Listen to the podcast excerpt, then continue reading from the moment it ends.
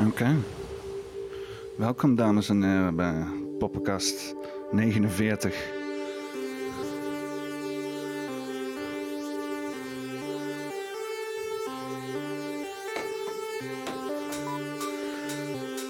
We hebben natuurlijk eh, een week gehad met een hoop eh, giftige shit in de media.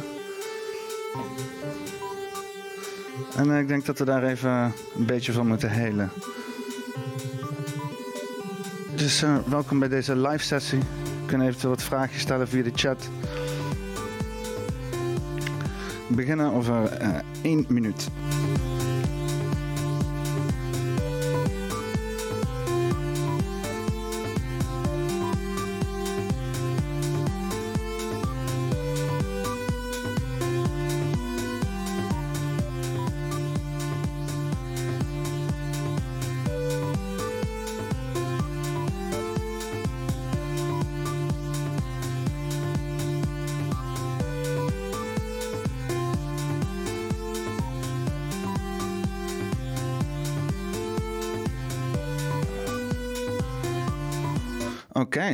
Zijn we dan.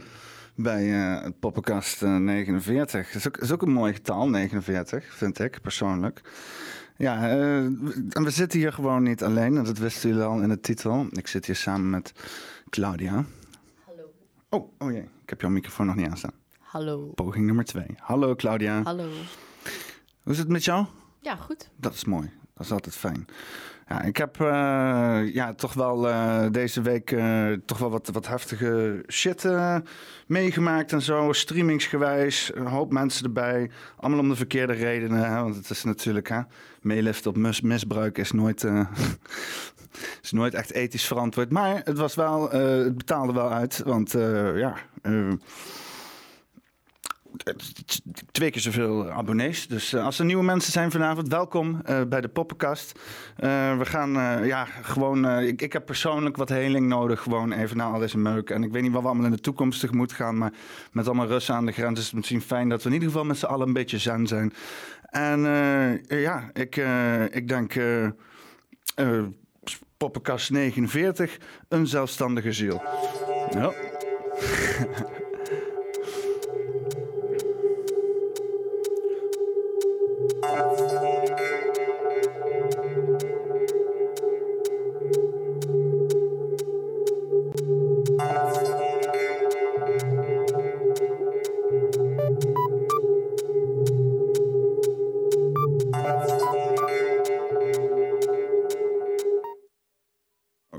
nou, eh, ik, ik ben nog steeds allemaal een beetje aan het eh, testen met het livestreamen en eh, hoe het allemaal soepeltjes gaat. Ik heet niet Chris de Haan natuurlijk.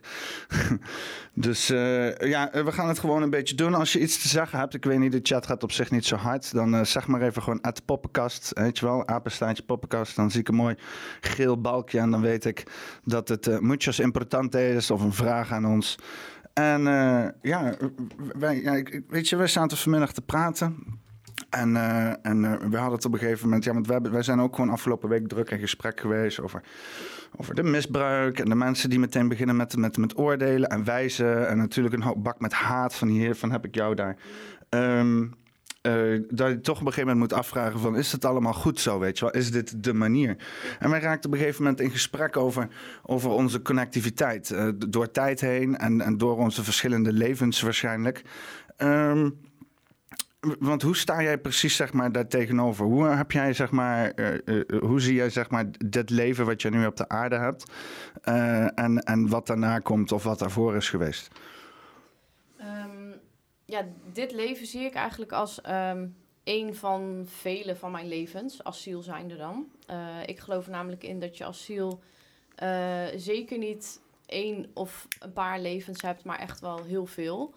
Ehm, dus dat je asiel meerdere levens hebt. Dat dit niet mijn enige eh, leven is hier op aarde, laat maar zeggen.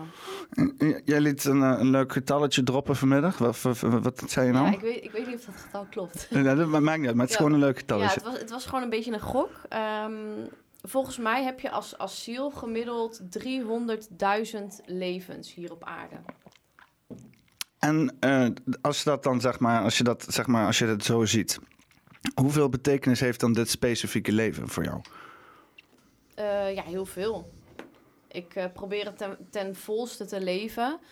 Um, ja, het heeft heel veel betekenis. Uh, net zoveel betekenis als al die andere levens. Weet je, zo'n getal maakt dan eigenlijk niet zo heel veel uit. Want um, daar ben je niet heel erg van bewust in dit lichaam. Dus je, je bent nou eenmaal in dit leven hier op aarde, in dit lichaam.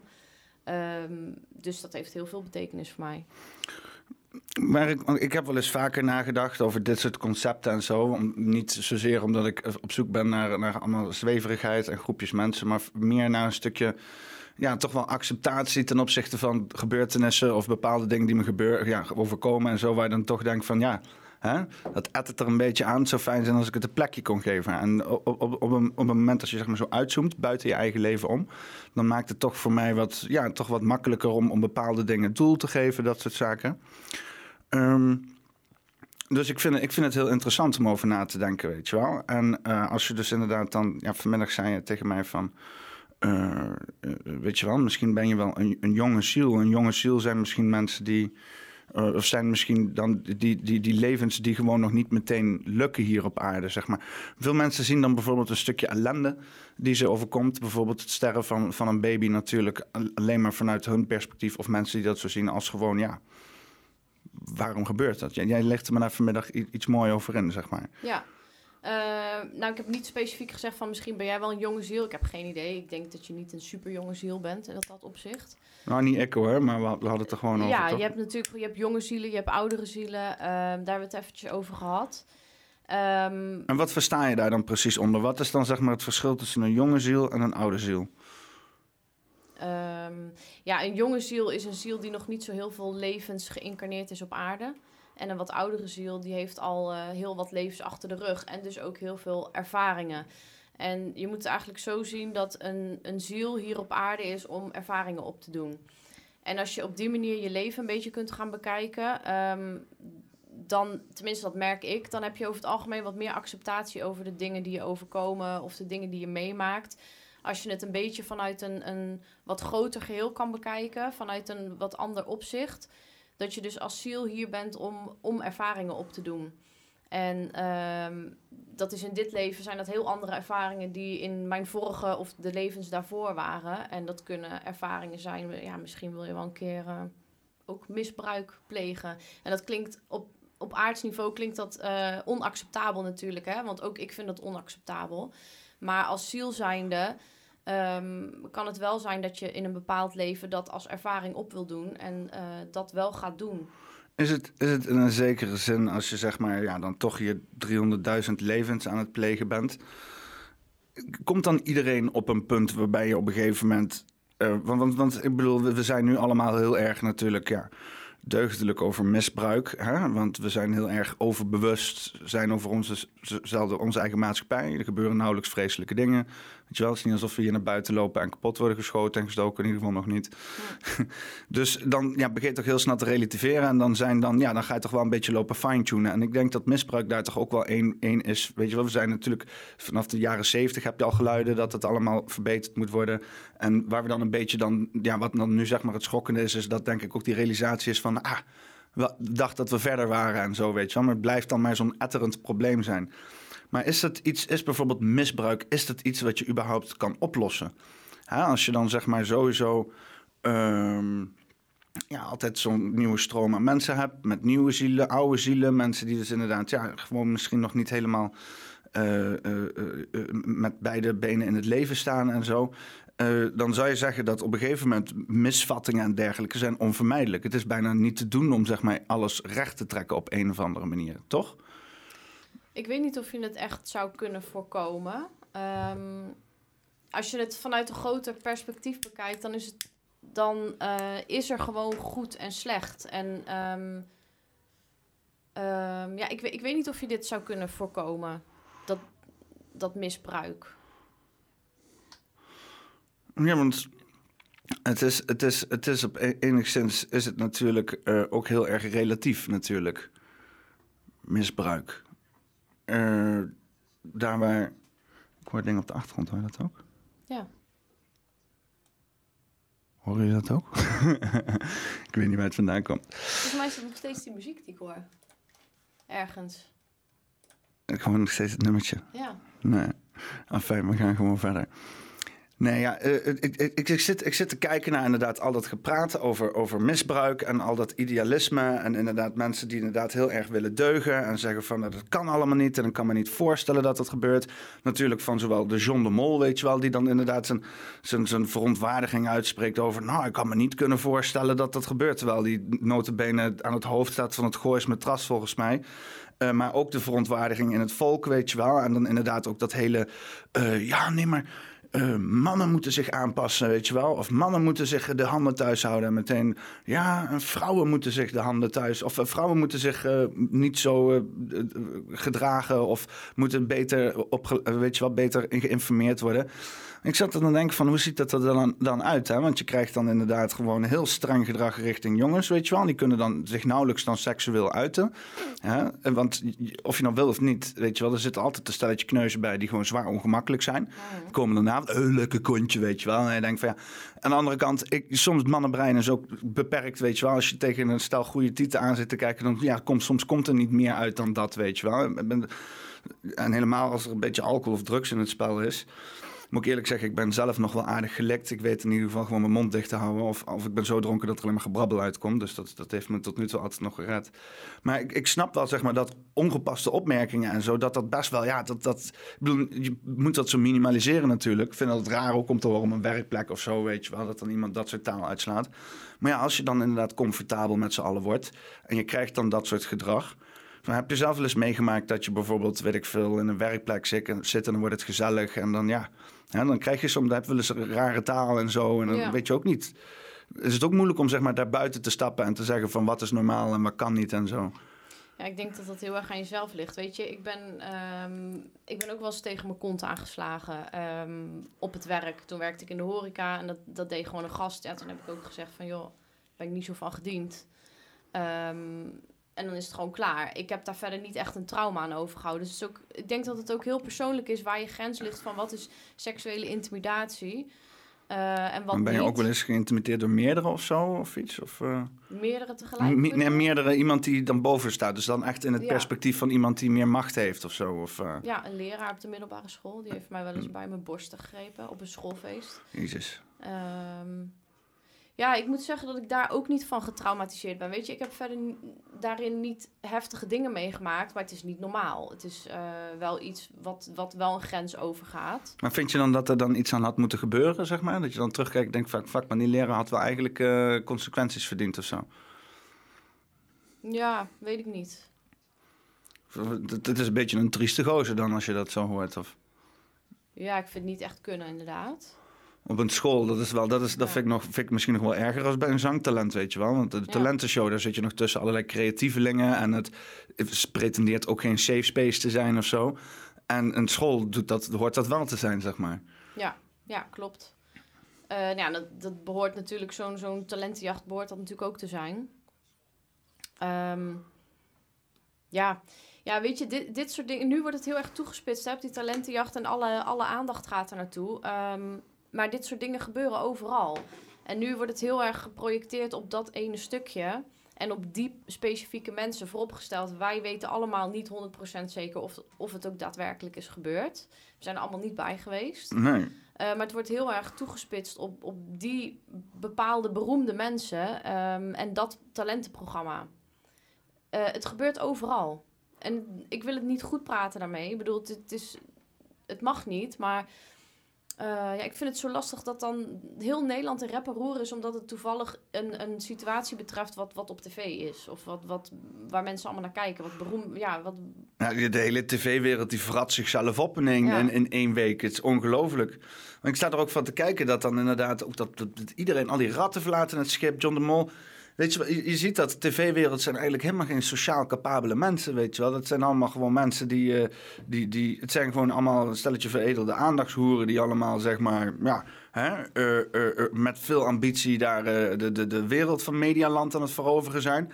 Maar dat je nou zegt dat ze, dat ze een soort van empathie hebben, dat daar dan zeg maar de meest geprezen, ethisch verantwoordelijke mensen aan het woord zijn, dat is niet het geval. Daar lijkt het niet op. nou, dat weet ik niet.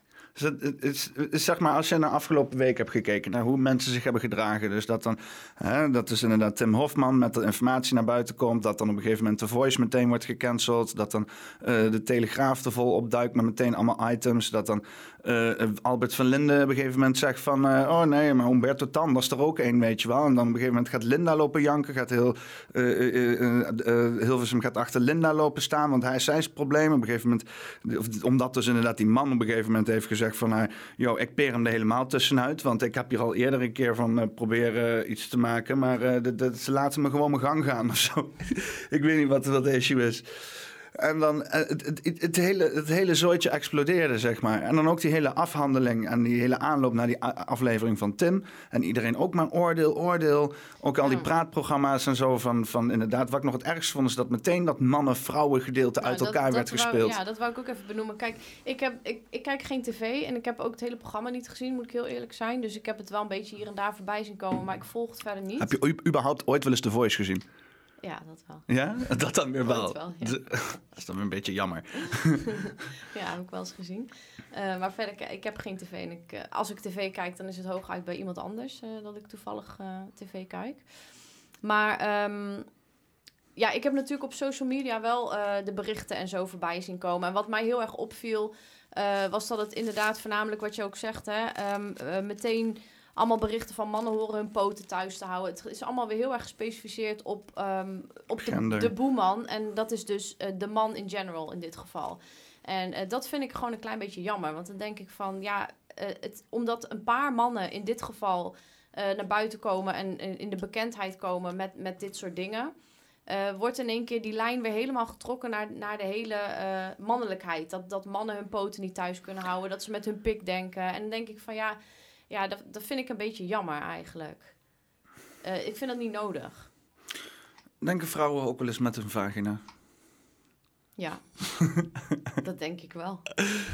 Beetje ze erachteraan soppen zo, weet je wel.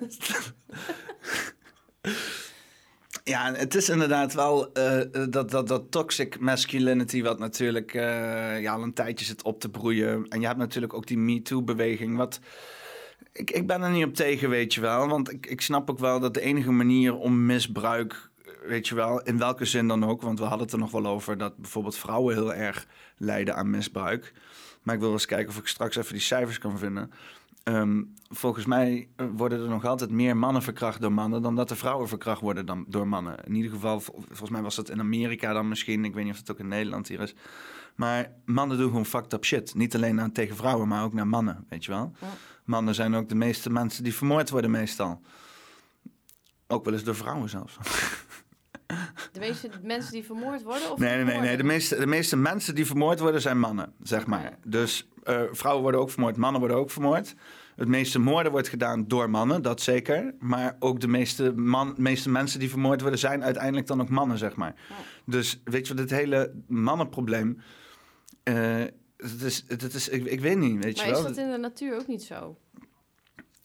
Dan zijn het ook de mannetjes die vechten en elkaar. eh, Ja, bij leeuwen, maken. bij leeuwen, die vrouwenleeuwen, die zijn ook wel... eh, Ja, maar ik denk dat die mannenleeuwen toch wel eh, wat heftiger vechten. ja, die gaan echt voor de kill, zeg maar. Ja, ik denk wel dat die tot de max gaan, ja. Ja, die, de- maar, maar vrouwtjesleeuwen zijn natuurlijk... Ik weet niet of ze met, met elkaar vechten. Vrouwtjesleeuwtjes. Ja. Mannenleeuwtjes die vechten, echt, die vechten echt met elkaar, weet je wel. Tot Ja. de dood om dus echt dominantie eh, te verdedigen. Maar, maar vrouwtjesleeuwen... Ja, volgens mij doen die ook wel eens met elkaar vechten. Als het ene bitch is of zo. Ja, maar dat doen mensen, vrouwen ook wel eens. Ik heb, eh, ik heb ook wel eens eh, vrouwen de haren uit mekaars kop zien trekken. Maar ja, het is toch wel een ander soort vechten dan dat mannen doen, waarschijnlijk. of tenminste. Het is toch een ander soort vechten. Eens even kijken, ik ben wel benieuwd. Eh verkrachtingscijfers. Ik zei toch dat het een positieve zin aflevering ging worden. Eh, eh, mannen en vrouwen. Eens even kijken. Mm, mm, mm. Ik, bak, ik, doe nooit echt verder lezen dan gewoon. Ik wil ook gewoon een, eh, een ja, cijfers inderdaad, ja. Seksueel gebruik omvat eh, één of meer vormen van niet-fysieke seksuele intimidatie. Fysiek seksueel geweld en online seksuele intimidatie onderstaan cijfers betreffende voorvallen. Ik heb ook voor het eerst nog nooit zo vaak in het nieuws het woord dickpics gehoord. Volgens mij heeft inderdaad in die documentaire heeft dus Tim Hofman het woord dikpik gebruikt tegen John de Mol. Waar ik al dacht van, ha, lachen. En toen op een gegeven moment ook in het nieuws. Iemand ook te- tegen een best wel gerenommeerd persoon ook, ook het woord dikpik er in één keer uit eh, rolde, weet je wel. Dat ik ook dacht, lol, dit zijn Ja. grappige tijden. Volgens Ja, het- Maar dat was op het moment dat de telefoon ontstond met zo'n cameraatje, had je al dickpics. Nou, ik denk voor de telefoon al dat gewoon mensen met zo'n handicam zaten gewoon Ja. hun eigen, weet je wel, dan een videoband eh, in een doos doen en dan opsturen naar een vrouw. En die moest hem dan in de videorecorder doen en die drukt dan op play en die Ja. ziet dan in één keer zo'n zo'n VCR-lul zo. Het enige is dat het, ja, het internet was toen nog niet zo. eh, eh, mensen deelden nog niet massaal alles. Ik denk dat dat het gewoon ook een beetje is. Ja, niet op, het- op zo'n hoog tempo als dat we nu doen. Dit is delen, live delen, on the flow, als het moment gebeurt. Ja, dit is, dit is wel even andere koek inderdaad. Ja. Eh, volgens het CBS zijn er jaarlijks 100.000 slachtoffers van aanranding, verkrachting en of misbruik. Hiervan is 90% vrouw en 10% man. Oké, dus dat, dat statement dat ik net maakte, dat gaat dus gewoon niet door. Niet hier in Nederland in elk geval. Wordt fysieke seksuele intimidatie zoals ongewenste aanraking meegeteld, dan ligt het aantal slachtoffers nog veel hoger. 3% van de bevolking van 16 jaar ouder, 470.000 personen, zijn, eh, af, zij in de afgelopen 12 maanden slachtoffer te zijn geweest van enige vorm van fysiek seksueel geweld. Ja, het is natuurlijk ook op een gegeven moment, als je ernaar op zoek gaat, dan ga je het ook vinden, weet je wel. Als je inderdaad gaat zeggen van, van hey, zijn de mensen misbruikt, dan gaan mensen ook echt nadenken van, nou, misschien, jij zou ook eh, kunnen retroactief je leraar nu eh, eens even flink kunnen metooen, weet je wel. Ja, en voor hetzelfde geld trek je een hele beerput open van helemaal andere studenten in die tijd die ook dus even flink ge- begraaid zijn door die leraar. Nou ja, kijk, als, als ik dat zo, wat jij nou net voorleest, dan ze rekenen, wat zei je nou? Wat rekenen ze er ook onder? Eh, ongewenste aanraking of zo? Even kijken. Nou? eh, Even kijken.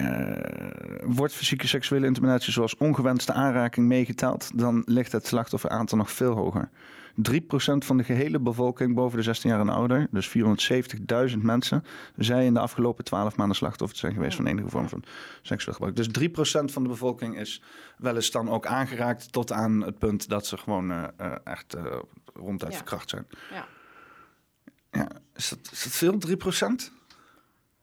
Ja, klinkt voor mij niet heel veel. Ehm, maar Ik ja, bedoel, wel- 470.000 het mensen, dat is... over de laatste twaalf maanden, hè? Dus dat, Ja, oké. eh, Ja, niet ooit in het leven inderdaad. Ja. Ja, want dat is dus exclusief inderdaad wat je zegt, jouw eh, ervaring. Want die valt er al niet meer- bij, zeg Nee, maar. Dat is al ver in het verleden. Kijk, Ja, en ik, is- ik tel hem zelf niet mee, omdat ik daar niet zo heel veel last van heb. Maar als ik dat soort ervaringen meetel, dan kan ik wel een, een minimaal een handje, misschien wel twee handjes vol eh, optellen. Oh, serieus? Ja. Dat is wel, eh, dat is wel pittig op zich. Ja. En Ja. wat, wat, wat, voor, wat, voor, wat voor mannen zijn dat dan meestal? Heb je daar een, een idee bij of zo? Of, of is dat gewoon Ja. echt eh, vergeten en doorgaan? Nou, ook wel eens een conciërge. Nou, vond ik een beetje een rare kerel. Ja, jezus. Ehm, wel eens gewoon random in de stad. Een, een man die dan gewoon een hand op je kont, eh, echt je billen vastgrijpt. En eh, eh, gewoon onbekend iemand. Ja, die heb ik wel een klap in zijn gezicht gegeven meteen. En, dan. Dan de, de, de, de meest inempathische mensen van de samenleving... die zullen dan vragen, was je sexy gekleed? Nou ja, nee, volgens mij niet. Nee, geen mini-rokjes of nee. zieke decolleté. nee.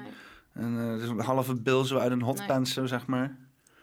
Want wat vind je daarvan, zeg maar? Dat dan dames zo rondlopen met zo'n... Ja, die, ik bedoel, die bil die wordt steeds zichtbaarder, zeg maar. Met de generatie Ja. dat die hotpants komt, wordt er, komt er steeds meer bil onderuit. Ik heb nu zelfs al een situatie gezien dat de tieten eronder uitkomen. Weet je wel, zo'n hoge crop top dat de tieten eronder uitkomen. Eh, eh, hoe ver moet dat gaan, zeg maar, totdat dan eens een keer... eh, of gaat het dan vanzelf, zeg maar, dat dan op een gegeven moment de misbruikcijfers zo hoog zijn... dat dan iedereen zichzelf wat meer opkuist? Of hoe moet ik dat... Ja, weet ik niet. Want Weet je kan dat niet zeg maar gaan. Ik kan me niet voorstellen dat, dan een, dat daar dan weer regels voor komen, weet je wel, of zo. Of, Ja, het is ook een stukje mode, maar het is ook een stukje het internet. Want als je gewoon ziet hoe meiden zich op, op, op Insta, op Facebook, op, op, op Snapchat en al dat soort fora's ehm, ja, profileren, hoe ze zichzelf filmen, fotograferen en dergelijke, is het gewoon normaal. En eh, je ziet gewoon dat meiden steeds meer op die manier ook over straat gaan. En zou het niet zo zijn dat mannen er ook een beetje aan wennen? Of ben je daar niet aan? ja, ja. Mm, nee. Kijk, eigenlijk is het natuurlijk wel apart, hè? Kijk, als je op het strand loopt, dan, dan is het heel normaal dat mensen in een bikini lopen. En dan... Ja, dat, dat blijf ik ook altijd fascinerend vinden. Dat op Wat- een of andere manier, het strand, want het strand is ook, dan kom je ook momenten tegen dat je denkt van, damn, weet je wel. Maar eh, het, is, het is niet, eh, het is op een of andere manier inderdaad het feit, kijk, vooral met die mode en die kleding, dan worden je ogen echt gericht met lijnen naar bepaalde fucking geslachtsorganen, weet je wel. De, de rechte decolleté in, eh, weet je wel, van die, van die, van die, van die korte eh, eh, ik, ik weet het niet. Weet je wel, het is allemaal, het is allemaal heel erg ook opgepompt en, en uitgedund en in vorm gehouden en zo, weet je wel. En op een gegeven moment in het strand zijn het soort van ja, naakte lichamen met een lapje stof ervoor, Ja. weet je wel. En dat maakt het toch, ja, ik wil niet zeggen minder aantrekkelijk, maar gewoon realistischer, weet je Ja. wel. En dat dan af, ja, weet je wel, dan, dan hangt het van. Dan, dan merk je dat je echt op andere dingen let ook volgens mij. Hè? Veel meer natuurlijke zaken. Want nu inderdaad, dan, dan, ben je, dan hou je zo van iemands ogen omdat ze 20 meter wimpers heeft en, en kleurlenzen en, en, en, en eh, zes lagen make-up complementerend met desbetreffende kleurlenzen, weet je wel. En dan nog allemaal schaduwvervorming en Ja. lichtinvalhoek na simulatie, weet je wel. Ik weet niet wat voor shit zo. Daar kan daar kan je ook op TikTok wat shit van vinden. Ja, je kunt, je kunt een hoop eh, aan je gezicht doen eh, zonder plastische chirurgie. Dat je er heel anders uitziet dan eh, hoe je eruit uitziet als je net wakker wordt. Ja, ja en dan, dan inderdaad met alle kleding, met on- ondersteunende dingen. Weet je wel? En dan heb je dus inderdaad, ja, ik bedoel, ik, ik, ik bedoel, ik, ik, ik liever dat dan dat allemaal vrouwen en meisjes zichzelf gaan lopen opereren, weet je wel. Maar het is inderdaad wel, we houden de hele tijd zo'n zo'n beeld in stand van wat sexy en aantrekkelijk is, wat kunstmatig is, weet je wel. Waar, waar je echt denkt van, waarom zou je dat willen? Ja. Ja. Want jij bent recentelijk eh, eh, eens een keer eh, dan maar eens op TikTok gegaan. Een klein beetje op mijn aanduwen, zeg maar. Ja, In zekere zin wist ik ook wel een beetje wat... eh ja, je bent een beetje onder een steen geleefd, vind ik. en ik denk van, ik stel je meteen maar bloot aan, aan de, aan de meest, eh, meest rotzooierige plek van het Ja. internet. Wat vond je er nou van? Ja, heel, ik vind TikTok echt verschrikkelijk. Ehm, ik heb het aangemaakt voor een bedrijf. Ik denk, nou leuk hè. Jij zei van, nou misschien moet je eens een keer wat filmpjes gaan plaatsen. Ga het gewoon eens proberen. En ik had zoiets van, nou sta ik wel voor open. Wil ik best wel, eh, ja, ik wil het wel, I will give it a chance. Ehm, ja, wat ik de afgelopen paar dagen heb gemerkt is dat, dat het gewoon, het, ja, de uren gaan voorbij. Het is zo fucking verslavend. Je zit alleen maar klote filmpjes te kijken die soms ook heel leuk zijn. Eh, er komt van alles voorbij en voor je het weet is je hele avond voorbij. Ik vind, ik vind het echt zonde van mijn tijd. En ehm, ik ben wat dat betreft helemaal niet zo verslavingsgevoelig. Maar het, het verbaasde mij eh, dat ik 's ochtends dacht... oh, ik ga even, even kijken of ik nog wat leuks eh, kan vinden, weet je wel. Ja. Of eventjes checken. En dat even checken, dat, dat blijft niet bij vijf minuten. Dat wordt gewoon een uur, dat wordt twee uur. En voor je het weet heb je je halve dag ja, verkloot aan, aan stomme filmpjes kijken. En, en, en wat voor filmpjes kom je dan daar zo'n beetje tegen allemaal? Ja, van, van alles en nog wat. Het is natuurlijk ook een beetje het, het, het algoritme wat, wat, eh, ja, wat denkt wat jij leuk vindt, laat maar zeggen. Dus dat kom je tegen. Maar ja, wat ik dan ook... Ik zie natuurlijk heel veel meiden voorbij komen in, in ja, sexy poses en ehm, ja, van, alles. Het is... Het is Nee, maar het, het viel mij dus ook op, weet je wel. En ik vond het een beetje ranzig om over te praten eigenlijk. Want het algoritme past zich aan op mij. Dus ja, dan stel ik meteen bloot dat alsof ik naar allerlei jonge meisjes aan het kijken ben, weet je wel. Ja. Maar in een, zeker, een zekere zin, weet je. Ik bedoel, er zit een hoop vlees met een kont te schudden, weet je wel. Eh, je, je probeert er gewoon door te scrollen, maar je kijkt er dan waarschijnlijk toch iets te lang naar. Dan komt de volgende. Ik zat op een gegeven moment vast in een soort van loop van, van, van, van, van kleine jonge sletjes die allemaal zichzelf blootgeven, weet je wel. En ik werd er ongemakkelijk van. Ik denk, wat is dit voor kut-app, weet je wel? Ja. Probeer het je Toen ja, ben ik echt actief, zeg maar, gewoon echt heel snel door al die dingen heen gaan en dan veel langer op andere filmpjes kijken. Toen kon ik dat een beetje uitcompenseren. Maar het is dan van de zotte toch, dat ze dan, ja, dat, dat als je daar niet bewust van bent, dan dat je in allerlei valkuilen valt, weet je wel. Ik, ik, ik weet dan donders goed dat ik dan inderdaad op die manier eh, aangesproken word door zo'n app. En dat ik inderdaad niet allerlei dingen moet gaan lopen voeden eh, die helemaal niet gezond zijn. En dat kan op allerlei vlakken, weet je. wel. kan niet alleen op seksueel gebied, maar kan ook inderdaad voor zelfbeeld of voor inderdaad eh, eh, bepaalde maatschappelijke waarden of dergelijke, weet je wel.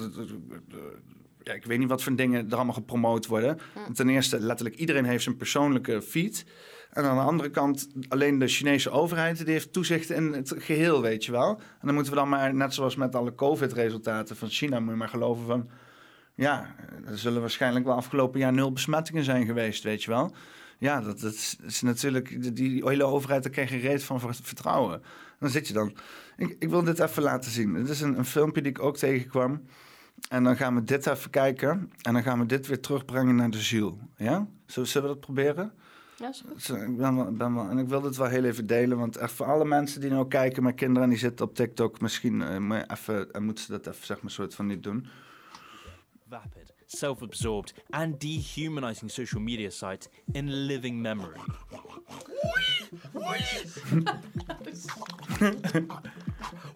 it's a platform marketed to teenagers which incentivizes underage girls to act like burlesque dancers in strip clubs for the viewing pleasure of sex crazed teenage boys and literal pedos. This is why TikTok serves as a sewer pipe of projectile diarrhea aimed directly at our gawping mouths. And with everyone and Nice. their dog trying to get as many views as possible, TikTok has managed to gain a foothold in the psyche of tomorrow's young adults. As Andy Warhol said, in the future, everyone will be world famous for 15 minutes. So then the question is, where the hell did this wave of TikTok downloads even come from? Why did the Reddit CEO call TikTok fundamentally parasitic? And why are governments around the world becoming so nervous about TikTok? Something else is going on. Top, make it drop, that's rap, and I get a bucket a mop, that's rap, It's no exaggeration when I say that TikTok is damaging society, which is a worrying fact when you consider that TikTok is being downloaded at an exceptional rate, garnering more downloads than Facebook, YouTube, or Instagram. And with this has come an unparalleled rise in the e-thoughts. I mean, the majority of posts on the site look like underage girls either showing off their bodies or being explicitly sexual.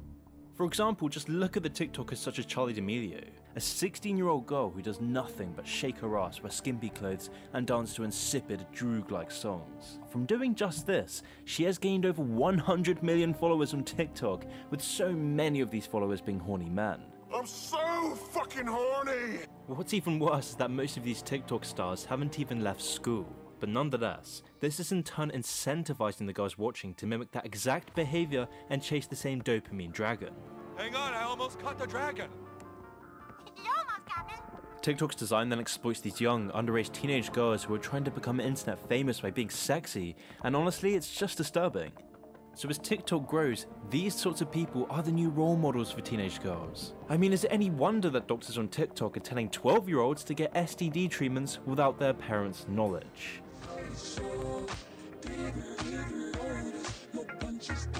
Dat vind ik ook niet zo'n probleem, zeg maar. eh. zeg maar, dokters die dan...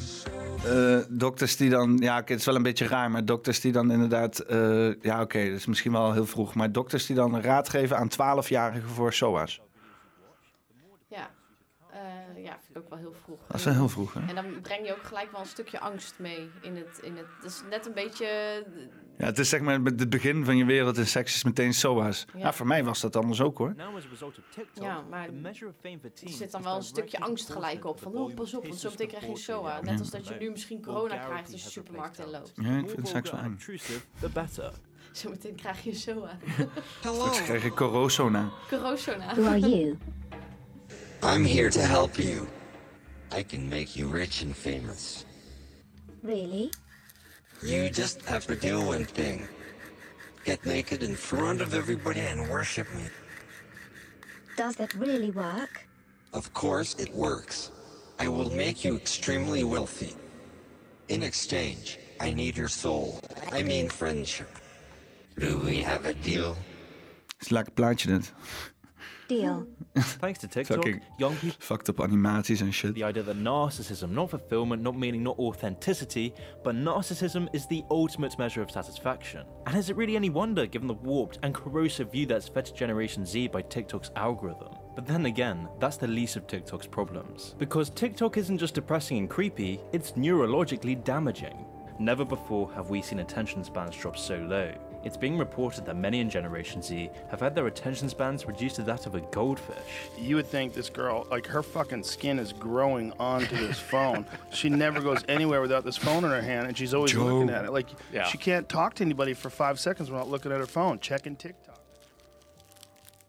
Kom je dat Hij is in herkenbaar voor? Mensen die gewoon constant op hun telefoon zitten. Die nauwelijks... eh, Ja, als je dan een gesprek mee probeert te voeren, dat ze dan de hele tijd in hun telefoon zitten. Heb je dat Ja, soort mensen in je omgeving? Nee, heb ik niet zo erg in mijn omgeving. Ik, wel een, ik wel een paar. Ja? Nee. Nee, niet zo heel erg.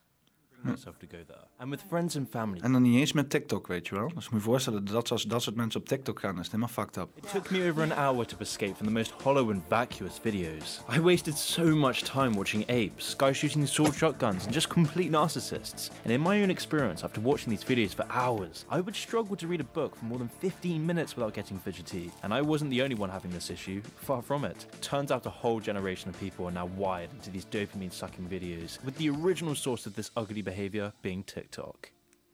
The way TikTok works is that it adjusts your mind to demand as much instant pleasure as possible. And if you don't believe me, just try watching a movie from the 50s, 60s, or even 70s after going on TikTok. And I reckon in most cases, within minutes, you'll be wondering, when will something happen?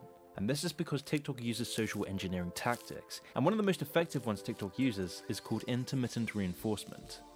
You can see intermittent reinforcements most clearly in a casino. For example, when you use a slot machine, you don't win every time or win the same amounts, because not only would it cost the casino a ton of money, but if you did win every time, the excitement and fun of gambling would be lost. Because when we expect a reward after a certain action, we tend to work less for it. Yet when the timing of the reward or the certainty that we'll get at all is unpredictable, we tend to repeat the behavior with even more enthusiasm. If you're going fishing, for example, and you're on a boat for hours and hours and you finally catch that fish, it feels so much better than just buying it on the counter.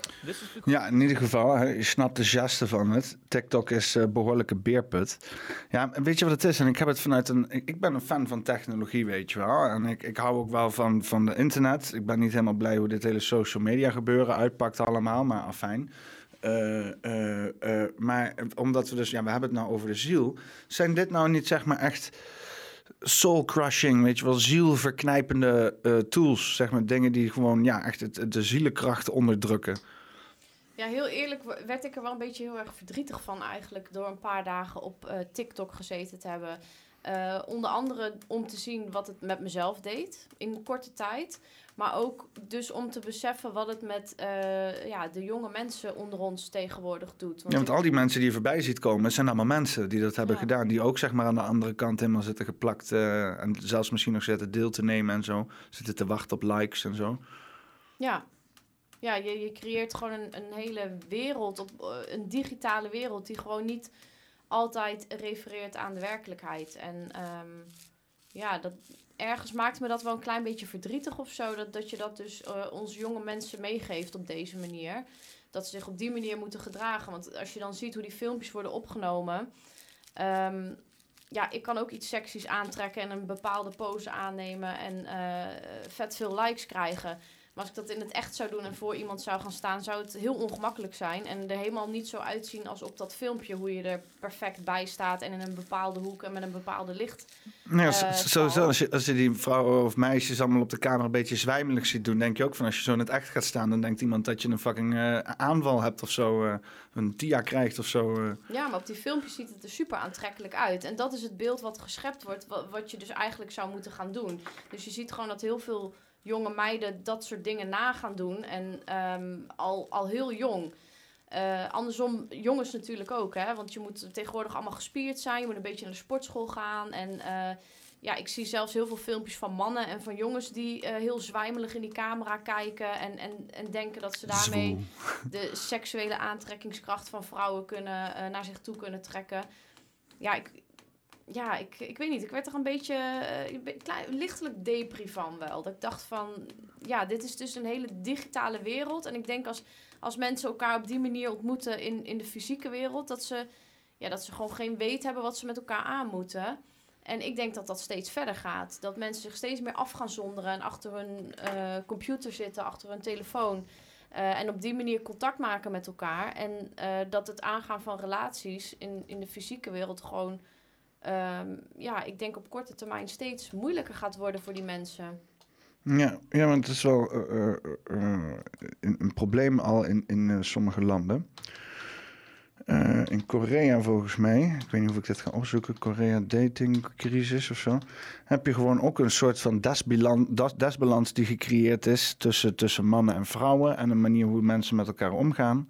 En dat heeft dus inderdaad geleid tot een soort van crisis, eh, waarbij dus inderdaad, ja, eh, ja, mensen eigenlijk nauwelijks meer met elkaar daten. Ik zit even kijken hoor. Eh, why the dating scene in North Korea is insane. Nee, ik moet het van Zuid-Korea hebben. Inderdaad. Ik eh, eh, eh, ga heel even eerst ook even wat vragen behandelen. Want dat wou ik ook heel even doen. Of wat vragen, in ieder geval wat opmerkingen. Want we zijn live, dus ik vind het toch altijd leuk om even de comments door te lezen. Ik wil eerst nogmaals ieder- iedereen in de comments even verwelkomen. Vaste klikkers aanwezig. Jeanette Geurkink, Hendrik Jan, Wim Privé. Welkom allemaal, Rick Peters. Battle, Station BS, Meh, eh Nunvi. Ze zijn allemaal in de house. Eens even kijken. Ehm, eh, oh, Wil Gerards, is ook, moet ik niet vergeten natuurlijk. Hendrik Jan zegt, eh, als je jezelf zo op het internet zet, moet je ook niet zeiken dat mensen creepy gaan doen, eh, naar mijn mening. Ja, maar ja, hè? kan je dat verwachten van, van kinderen van, van 12, eh, 13, 14, 15, 16, ja, 17, 18 desnoods, dat ze dat soort inzichten laten zien. Is het iets... Ja, weet ik niet. Weet je, ze krijgen overal het voorbeeld dat dat schijnbaar normaal is. Het nieuwe normaal of zo, weet ik veel. Eh, ja, en, en ze doen dat oh, gewoon na. er is COVID, trek nu je BH uit. Het nieuwe normaal. ja. Ja, nee, ik kan me wel voorstellen dat, dat mensen, dat vrouwen erin trappen en zo. Vooral als je gewoon geen goede rolmodel hebt, dan ben je fucked in deze wereld bijna. Nou ja, weet, weet je, als we dan op, op dat stukje ziel komen, hè, we- weet je, alles waar je als ziel eh, eigenlijk naar streeft en waar je behoefte aan hebt, is gewoon een stukje liefde en verbinding. En ehm, vaak in, in onze fysieke hoedanigheid, in, in het menselijk leven, ehm, denken, wij met, ja, denken wij met seks verbinding te kunnen krijgen. En dat is natuurlijk ook wel op een bepaalde manier zo. Ehm, maar eh, al die mensen, ook die, die meisjes en die mensen die, die zich zo gedragen op, op social media, die, die zijn in de kern gewoon op zoek naar liefde en verbinding. En ehm, blijkbaar is dat hetgeen ehm, waar je een soort van aandacht mee kan krijgen. En waar ze mee misschien hopen of denken dat ze een stukje verbinding en liefde kunnen krijgen. Ja. Ja, het is, want of het nou inderdaad is met, met verbinding met het leven. Dat zei die, eh dat zei die Reiki, zei dat mooi, hè? Ik, ik weet niet of ik dat eh, dus zo snel... Nou, dat ga ik er niet zo snel bij krijgen. Maar die zei dus inderdaad eh, ook van... Je moet er, zeg maar op die vier dimensies... Hè, dan heb je dus inderdaad op zoek bij je... eh, Op, op Ja, hij had, meerdere dimensies bij op zoek naar zeg maar geluk, gelukzalig, zeg maar. Geluk- Gelukzaligheid. Ja, ja, hij had het over die connectie met, met je lichaam, met het fysieke. Met, met, ja, hij noemde vier dingen en jij kon ze steeds niet onthouden, ik ook niet volgens mij. Ehm, met je spiritualiteit, met je lichaam, met je eh, geest volgens mij. Ja. En eh, nog iets. heb hem, Eh, eh, met je omgeving of zo. Oh, je hebt hem capable of gevonden. making it happen tomorrow. Ja. So what is possible and what is not possible is not your business. That is nature's business. Can you get up and walk? You'll say yes. What is the basis of this? Why you say no to flying and yes to walking? Because past experience of life, hmm. many times you've gotten up and walked, never did you fly off. Or in other words, you're using the past experience of life as a basis for deciding whether something is possible or not possible. Or in other words, you have decided that what has not happened till now cannot happen in your life in future. Deze man This is a super diep. disgrace to humanity and the human spirit. What has not happened till now on this planet can happen tomorrow. Human beings are capable of making it happen tomorrow. So what is possible and what is not possible is not your business. That is nature's business. Nature will decide that. You just see what is it that you really want and strive for that.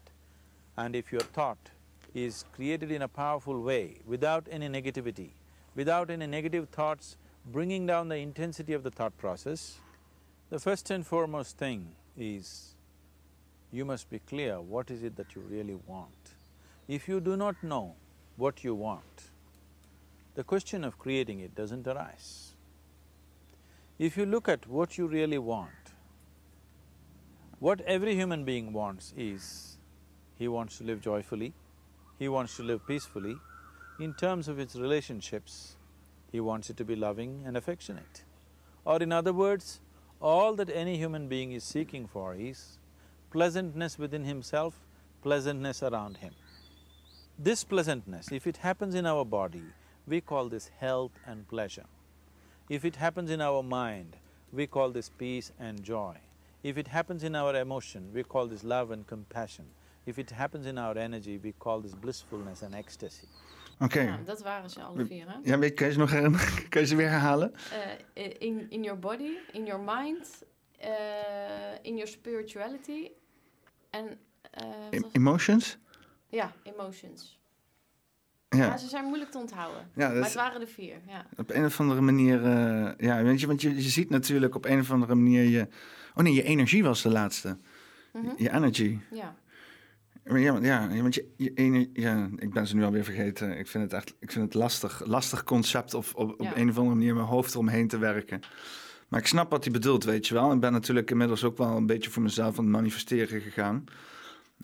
En eh, eh, kijk naar de duizend volgers voor mij. Dat is natuurlijk wel een leuk voorbeeld. Dit grote geheel, weet je wel. En je kan altijd wel zeggen, ja, daar heb je zelf aan gewerkt. Maar dat is natuurlijk gemengd, hè. Je werkt Ja. er zelf aan. Maar ja, mensen die bijvoorbeeld echt ja, gewoon alleen maar aan het doemdenken zijn... En, en inderdaad dan met tien keer zo hard aan het werken en dan burn-outs krijgen... Ja, dan, dan ben je gewoon je energie aan het verspillen. Ja, en weet je, dat manifesteren is natuurlijk wel, eh, wel heel erg leuk. Ik heb misschien wel een leuk voorbeeld van eh, een keer dat ik echt voor de verrassing stond. Dat ik dacht, wow, dit werkt gewoon zo goed.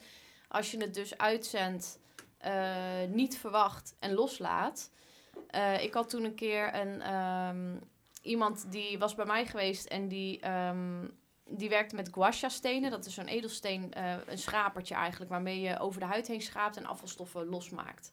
En ze had mij zo'n behandeling gegeven en ze zag bij mij thuis eh, een, een eh rozenkwarts guasha steen liggen, zo'n roze. Mhm. En daar was ze helemaal weg van. Ze zei, oh, die vind ik zo mooi. Dus ik dacht, nou, ze is binnenkort jarig. Ik ga dat, ik ga dat voor haar kopen en dan ga ik dat aan haar geven voor de verjaardag. Maar ja, ik ben dan iemand, ik bedenk dat heel vaak en dan gebeurt het niet. Dus ik heb de hele week daaraan zitten denken van, ik moet dat bestellen. Ik ga zo'n guasha steen bestellen. Ga ik voor haar kopen. En vervolgens heb ik het niet gedaan, eh, omdat ik het steeds vergat. Maar ik heb er wel heel veel aan gedacht. Dus ik heb het heel veel uitgezonden. En op een gegeven moment kreeg ik van haar een telefoontje. Toen zei ze van, nou, ben jij dit geweest? Ik zei, huh, wat dan? Toen stuurde ze me een foto van een pakketje met een, eh, een guasha-steen eh, erin. Een heel mooi doosje, een, een cadeautje. En dat Hmm. had ze in de brievenbus gekregen, zonder afzender. Dus ik zei, ja, ik ben het niet geweest. En ze heeft echt iedereen afgevraagd, de vriendinnen, de omgeving. Niemand had haar dat gestuurd. En ze zei, ja, ik kan alleen maar bedenken dat het van jou afkomt. Dus ik zei, ja, het komt niet van mij af, maar het stomme is dat het wel mijn idee was. Dus ik, ja, ik baal wel dat iemand anders mijn idee gejat heeft. Want nu kan ik het niet meer geven. Eh, toen heeft ze onderzoek gedaan. en Had, ze had had- gewoon zo ze moeten zeggen, oh nee, dan was ik het. ja, ja. Nou ja, onbewust was ik het waarschijnlijk ook. Want ehm, waar ze dus achter is gekomen, het was echt aan haar geadresseerd. En ze heeft het bestelnummer bekeken. En ze had een eh, blafband besteld bij bol.com. En in plaats van de blafband heeft ze een eh guasha rooskwarts edelsteen gekregen van bol.com.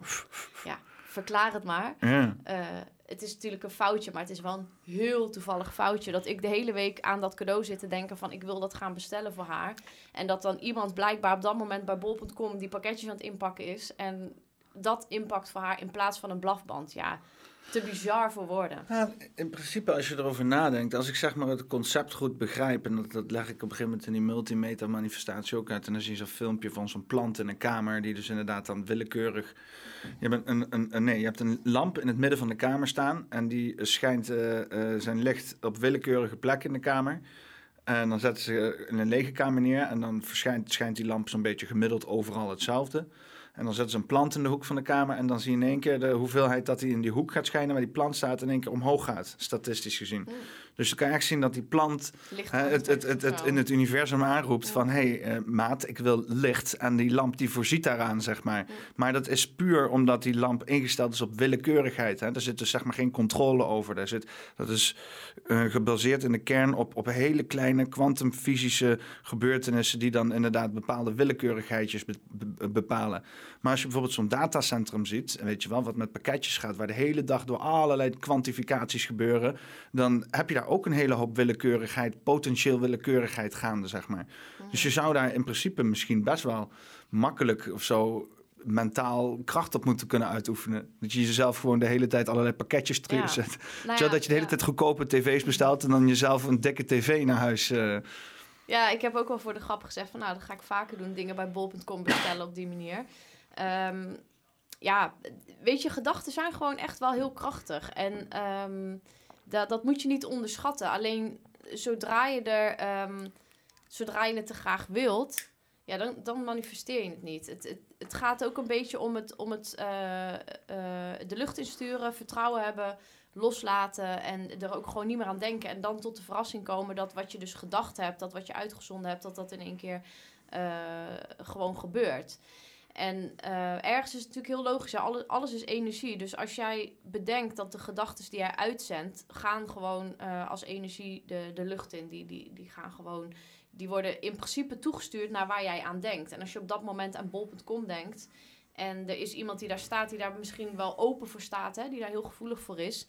Die ontvangt dat onbewust. En zonder erbij na te denken, ga je dat gewoon doen. Ja, zijn dat misschien zeg maar die onbewuste foutjes die je maakt, dat je gewoon misschien beïnvloed wordt Ja. door iemand of zo? Ik heb het in de horeca wel eens gehad dat ik vroeg wat voor soep iemand wilde. En, en iemand zei iets. En ik heb echt tomatensoep opgeschreven, omdat ik dat echt heel duidelijk hoorde. Maar dat was niet wat diegene zei. En ehm, ja, dan, je kunt het ook gewoon verkeerd verstaan, hè. Eh, maar ik heb ook wel eens gehad dat iemand zei, ja, ik twijfelde wel. Ik dacht eerst namelijk, zou ik tomatensoep nemen? En toen dacht ik, ik doe toch maar die andere soep. En dan is wel dat eerste wat diegene dacht, hetgeen wat, wat ik ontvang. En wat ik dus onbewust eh, ga opschrijven. Wou diegene alsnog een andere soep of? Mm, mm, ja, die heeft uiteindelijk wel die andere soep gekozen. Maar Fucking twijfelaars ook altijd, hè? Altijd last van. ja, Kies gewoon je soepmaat.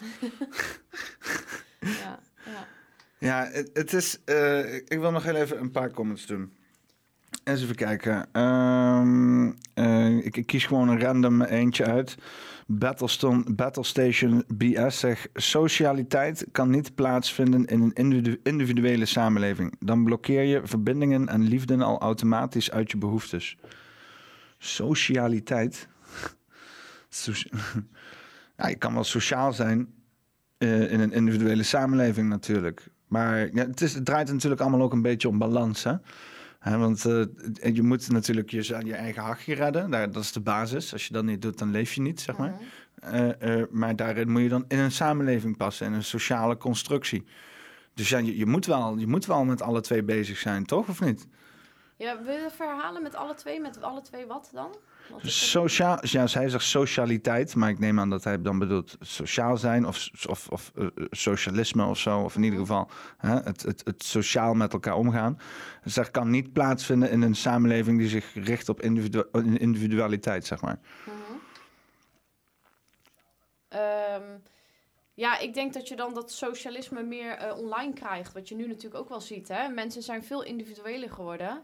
En dat is meer als, ja, ja, het is bijna collectivisme dan. eh, Ja, en, en het, het stukje sociaal zien ze dan, weet je, het, het likes krijgen, het, het online eh, contact Ja, hebben met mensen. het Dat is natuurlijk ook een stukje sociaal contact. Ja, het, het, het, het socia- ja, ik even kijken. Maar als je het echt, ja, een socia- ja, socialiteit. Ja, als ik aan socialisme denk, zeg maar, eh, vooral in een, in een echt een hele doorgedraafde versie natuurlijk, dan kom je uit op een stukje controle, weet je wel? Omdat dan mensen iets delen en dat wil je dan inderdaad eh, gehandhaafd hebben op een bepaalde manier. Weet je wel, je hebt dan of het, individualisme, waarbij je dan iedereen het gewoon lekker zelf uitzoekt, of je gaat dan inderdaad samen Mhm, iets doen Ja. en dan inderdaad, dan doe je het voor het grote belang. Hè, dat zie je bijvoorbeeld eh, Amerika tegen China. mhm. Dus China is allemaal één grote kluwe met mensen die het allemaal eh, samen doen. En in, in Amerika is het één grote losgeslagen bende van loslopende idioten die het allemaal zelf proberen te, te, te fixen, zeg Ja. maar. In ieder geval, hè, inmiddels is het ook alweer aardig samengeklonterd. Dan krijg je uiteindelijk socialisme voor bankiers en zo, dat hun uitgekocht worden en zo. Want dat is dat socialisme, dat is dan iedereen, iedereen vangt de klappen op, zeg maar. Ja. Maar dan krijg je dus ook bepaalde dingen dat je dus inderdaad, ja, eh, ja gewoon controle krijgt. Want wat vind je ervan dat dan bijvoorbeeld, eh, eh, wat dan typisch Nederlands socialistisch dingetje is, is dat wij, eh, eh, eh, of nou ja, typisch, je ziet het in meer landen en zo. Maar bijvoorbeeld al die hoge belastingen die we hier betalen, gemeentebelasting, loonbelasting, eh, wegenbelasting, Mhm. eh, gemeentebelasting, eh, afvalbelasting, waterschapsbelasting. eh, eh, ja, dan kom ik op nog meer dingen. BTW natuurlijk, accijns natuurlijk op tabak, alcohol, eh, eh, in- importbelasting, de hele godversbende, weet je. Want we worden helemaal leeggemolken aan belastingen. Eh, en maar als ze een rekening niet betalen, dan krijgen we nog hogere rekeningen, zeg maar. Weet je, en dan krijgen we een incassobureau achter ons aan die gaat zeggen: Oh, dan moet je, oh, kan je niet betalen? Oh, betaal dan maar meer, weet je wel. Dat is zeg maar eh, eh, nodig dan om dan dat sociaal systeem te laten runnen, zou je zeggen. Weet je wel, op een of andere manier. Ja. Is dat het waard? En dat vraag je aan mij. Vind jij het waard? Want wat doe jij? Hoe, hoe, hoe leef jij dan in deze individuele samenleving op een sociale manier? Ja, op een socialistische manier. Weet je wat? Eh, Battleship BS. Fuck jouw opmerking. Even kijken. Wil Gerards. Straks eh, is er geen man en vrouw meer. Dat willen ze afschaffen, toch? Ik ben blij dat ik eh, er nog een man en vrouw... dat ik nog de tijd van man en vrouw heb gemaakt. Ja, daar hebben wij Ja, ook wel ja, een paar keer over ben ik gehad. wel- ik ben het daar gedeeltelijk wel mee eens, inderdaad. Eh, ehm, ja. Ik, ik ben toch best wel een beetje van het traditionele eh, eh, rollenpatronen. Ja, ik weet niet, ik ben ook wel een beetje opgevoed. En Maar als iemand nou, als ik nou eens even hier de, eh, eh, god, hoe heet die shit nou ook weer? critical, als ik nou hier even de critical race theory professor uit ga hangen, weet je wel. En ik zeg van, eh, eh, eh, ja, of nee, wacht even, critical race theory, waar mij dan? Ik zeg hele andere woke dingen. Als ik hier nou een of andere gender... ehm, eh, agendeerder ben. Hè? op een links-liberaal niveau, waarbij ik dus zeg van nou, dat hele genderidee, hè, dus die verschillen die daar zijn in gender, dat moet allemaal gelijker. Hè, dus, eh, eh, want er zijn heel veel mensen die in dat spectrum vallen in het midden. En dus dat hele idee van rollen in de maatschappij, van dat je mannen- en vrouwen ding hebt, dat stagneert alleen maar. Al die mensen in het midden die dus inderdaad gewoon liquid willen zijn, weet je wel. Dus hun zeggen van dat zou de norm moeten zijn. En dan misschien wel tot het punt dat ze dus inderdaad nu mensen zeggen opmerkingen van ja, we moeten gewoon het hele concept man en vrouw afschaffen, weet je wel. Dus dat ze dan inderdaad gewoon mensen met een piemel, mensen met een vagina hebben. Hoe voelt dat dan als vrouw? Want wij als man zijn zeggen natuurlijk, hey, nee, wij willen graag man zijn. Maar dan zegt de hele wereld, ja, tuurlijk zijn jullie graag mannen, weet je wel. Want dat is een beetje het hele stigma wat nu op ons wordt gelegd. Dus dat wij alleen maar eh, dik in de, in pik in de lucht en eh, feesten maar hebben of zo.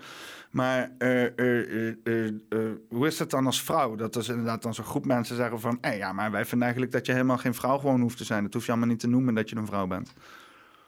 Ja, ik kan alleen maar voor mezelf spreken natuurlijk. Ja, hoe, Ehm, vind je, hoe vind jij dat? Als, als, ik, als ik dan tegen jou zeg van ja, je, je mag jezelf niet meer in dit huis identificeren als vrouw. Hè? We hebben het alleen maar over mensen met vagina's.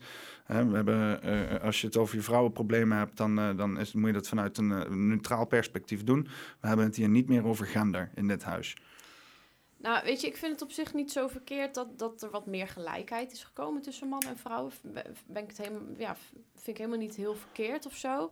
Eh, dat er mensen zijn die zeggen van ja, dat stukje man en vrouw zouden we af moeten schaffen. Dan denk ik, ja, eh, doe lekker je best. Dan, eh, dan zijn we op een gegeven moment, sterven we gewoon uit.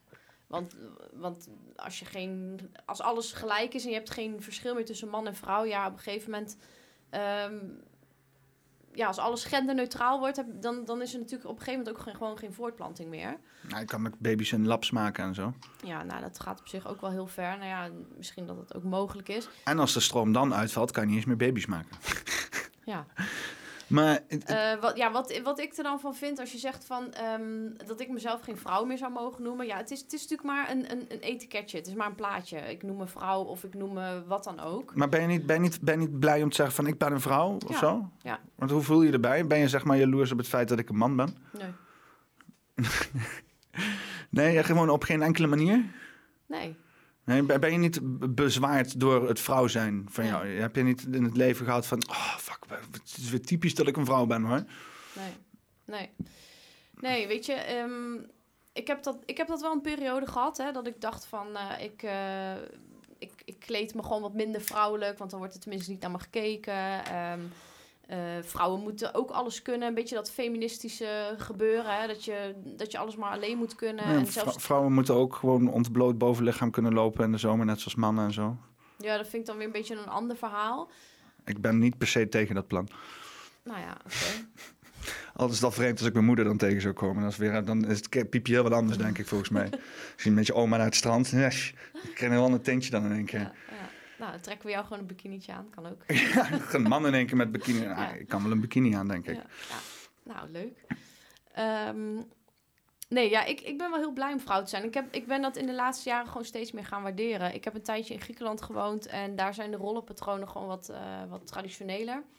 En daar eh, heb ik ook gewoon wat meer geleerd om mijn vrouw zijn weer wat meer te, eh, ja, te accepteren. Te, ehm, ja, om gewoon weer wat meer in mijn vrouw zijn te gaan staan. En weet je, er is gewoon verschil. Jij bent gewoon veel sterker, want je bent een man. Ik ben fysiek gewoon veel minder sterk. Punt. Maar je een armpje drukken? Nee. dat ga ik toch verliezen. ja, nou, wou je doen? dan? Nee, nee, nee. Daar is absoluut geen Oh. eer in te behalen. Oh. Maar we kunnen het wel even Ik, ik wil een reden om, eh, om, de, om, de, om, de, om de, deze te gebruiken. Ja. Oh god, gaan we het echt doen? Ja, maar ik heb hier veel te veel apparatuur Ah, staan. nee, ik word nee, hier ook dat niet. ik ook ik- zeggen. weet, weet je wel, Ja. dit is een hele necessie. Laten we gewoon zeggen, we, eh, eh, ze zei voor de gein, laten we een armpje drukken. En ik heb haar geowned, bitches. Ja. Ehm, Ja, hoe, hoe vind je dat dan, dat soort dingen? Want daar hoor je, en daar kan ik me op zich ook wel in vinden. Al heb ik natuurlijk een, een ernstige hekel aan taalrestrictie. Maar ik, ik, ik wil zo nu en dan wel eens empathisch zijn, dan als het echt moet. Eh, weet je wel. Maar bijvoorbeeld bitches. Voel je daar dan aan, heb je dan zoiets van, yo, dat beledigt mij mevrouw zijn of zo? Nee. Nee, mij niet. Persoonlijk. Je bent echt een soort van anti-feminist volgens mij, of niet? Ja, een beetje wel, denk ik. ja, een beetje wel. Ik, weet je, ik vind het soms heel... Ik, ja, ik zeg wel eens van eh, wij, wij vrouwen... en dan, dan, dan doe ik het zelf ook, hè. Dan generaliseer ik het. Dan zeg ik wij vrouwen. Dan is het net alsof alle vrouwen dat doen. Maar toch klinkt het wel fijn om het even zo te zeggen. Ik denk dat wij vrouwen eh, de man een klein beetje kapot feministiseren. Is dat een woord? Ik, weet niet, anders is het nu gewoon een Ja. woord. Feministiseren. Ja, vind ik, ja, ik vind dat soms jammer. Dan denk ik, ah jongens, kom op, meiden. Eh, eh, we, we- weet je, vrouwen beseffen soms niet hoe ze een man ook gewoon kapot kunnen maken. Door maar te denken dat ze alles kunnen zeggen. Ehm, ja, ik, ik, ik weet niet. Ik, ik kijk dan wel eens van die datingprogramma's en dan denk ik van... Vrouwen nemen gewoon geen blad voor de mond. En dan zie je die man heel stoer zeggen... Ja, oh, oké, oké. En denk ik van, ja, je, je trapt die kerel gewoon fucking hard op zijn ziel gewoon. Op zijn pik, helemaal. Gewoon, je verm- vermurmt hem bijna. En dan denk ik van, je beseft niet dat een man ook gewoon gevoel heeft. Ja, want mannen, vrouwen hebben in dat opzicht, vooral op emotioneel vlak, best wel. Vooral omdat mannen, zeg maar. In weinig, weinig mannen goed emotioneel ontwikkeld zijn, omdat het ook een heel euvel is. Want je hebt zeg maar. Ik heb het wel eens gehoord van een of andere eh, antropoloog of socioloog, of weet ik veel wat, van wie, misschien Jordan Peterson, ik weet het allemaal niet. Maar het idee is, zeg maar, eh, je hebt kinderen, je groeit op. eh, als, als, als jongetje, als vrouw, meisje dus inderdaad, groei je op aan de kant van je moeder. Dan kan je je mee affineren, krijg je die liefde, die zorg. en dan heb je dus ook dan meteen je volwassen rolmodel en dan kan je door in het rest van het leven. Als jongetje krijg je die liefde van je moeder, hè, de moederliefde. eh, eh, krijg je die, eh, bij in het begin ook die band met je moeder. En dan moet je op een gegeven moment jezelf gaan loswurmen van je moeder. En ja, elke jongen die heeft, als in ieder geval een standaard moederrelatie heeft, die in, inherente, die, die inheemse eh lostrekken van het moedergeheel, weet je wel. Wat, wat vrouwen wat minder hebben. Hè? Ik bedoel, ik zeg niet dat dat goed afloopt, want eh, dat kan nog steeds. En daarom, misschien juist daarom dat het dan, als het afloopt met vrouw en moeder, dat het dan ook meteen mm, afgekapt is. Ik weet het allemaal niet. Generaliseer ik ook enorm. Maar dat is in ieder geval vrouwen niet, zeg maar, door die, door die eh, fase heen gaan waar mannen heen gaan, jong volwassen mannen heen gaan, dat je dus inderdaad echt je mannelijkheid moet gaan vinden. Vroeger, hè, en vooral hier in de Germaanse stammen, schopten we dan zo'n jongetje als hij 15 was het bos in en die moest gewoon een week lang tussen de wolven gaan overleven. En die kwam terug een man, weet je wel. En die voelde zich een man en iedereen vond hem een man en klaar, weet je wel. Dan was je, maar ja, als je dat tegenwoordig doet, dan, eh, dan kom je naast het rijtje, eh, weet je wel, misbruikers te staan als je je kind het bos in flikkert. En terecht ook. Maar dat houdt dan wel over dat je dus niet een hele gedefinieerde eh, ontwikkeling hebt van, van de man. En die loskoppeling van de moederfiguur, weet je. Daarom heb je ook heel veel van die moeders, weet je wel, die jongens die helemaal vastgeklampt zijn aan hun moeder op een of andere manier, weet je wel. Die, ehm, Waar komt dat dan door, volgens jou? nou ja, door dus inderdaad niet zeg maar. eh, eh, normaal ha- hadden we daar rituelen in. om dus inderdaad die loskoppeling te doen van het moederfiguur. in een gezonde mannelijke opvoeding. En dat we daar tegenwoordig helemaal niet meer mee bezig zijn. Sterker nog, inderdaad, zoals je zei, we juichen aan. dat inderdaad mannen zachter zijn. en, En, eh, en, en, en, en weker en, en, en vrouwelijker Ja, en, eh, en jawel, gladgeschoren en, wel, en, ja. en ge- bijgewerkt en gestileerd en opgefrist en, en kuis en handjes thuis. En inderdaad, Nou, niet dat- jagend, maar vooral heel dociel in een hoekje. Dat ook. En, en inderdaad, dat gebeurt ook. En tegelijkertijd ehm, denken wij als, als vrouw dan nog steeds dat die man zo, zo eh, eh, alles wel aan kan of zo. En zo, zo eh, ja, hard is in zijn emoties, hoe moet ik dat zeggen? Dat je gewoon ook maar alles kan afvuren op zo'n man. Omdat ze dat toch wel kunnen hebben. Dat, dat stoort mij af en toe gewoon een beetje. Nou, ik denk wel dat er heel veel vrouwen zijn dat ze donders goed weten. Ja, ik weet niet. Het voelt altijd wel. Het voelt altijd wel. En vrouwen zijn sowieso heel anders met hun emotie, weet je wel. Mannen die, gooien, die hebben het er dan wat minder over. En maar die, die zitten er dan heel erg mee. En vrouwen die praten er meer over, maar zitten er minder mee, naar mijn idee. Ik zeg niet dat vrouwen geen emoties, niet met hun emoties Oh. zitten, maar die hebben er gewoon veel, volgens mij. Ja, dus ik denk dat vrouwen, er, als ik naar mezelf kijk, er vooral heel veel over praten, maar er ook heel veel mee zitten. en het ook lastig loslaten. Dat is wel een vrouwendingetje. Ja. Ja, als man zijn, volgens mij, als je er een keer goed over praat, dan is het al meteen heel verluchtend, zeg maar. Maar dan Ja. zit je er ook vaak al een tijdje op. Ja, nou ja, dat is natuurlijk bij iedereen wel zo. Als je er een keer goed over praat, is het wel eh, opluchtend. Ja, dat klopt wel. Ja. Ja, ik denk, ik denk dat, dat op een gegeven moment de, de moderne man of jongen op een gegeven moment ook niet zo goed meer weet wat, wat ze met, met, met meiden aan moeten of zo. Ja, het- het is, het, het is ook wel. Het is ook zeg maar, want het is volgens mij heel lang gewoon hetzelfde geweest. Wat we vonden, hoe we het deden. En we zijn de afgelopen honderd jaar zijn we één keer allerlei, allerlei sociale en maatschappelijke dingen aan het herconstrueren. Omdat we elke keer weer terugkijken. We hebben heel veel informatie over de vorige generatie. En dan kijken we dingen terug. Net zoals bijvoorbeeld dat videobeeld van Paul de Leeuw, weet je wel. Dat, die, eh, dat, dat, dat jongetje aan het opvreten is.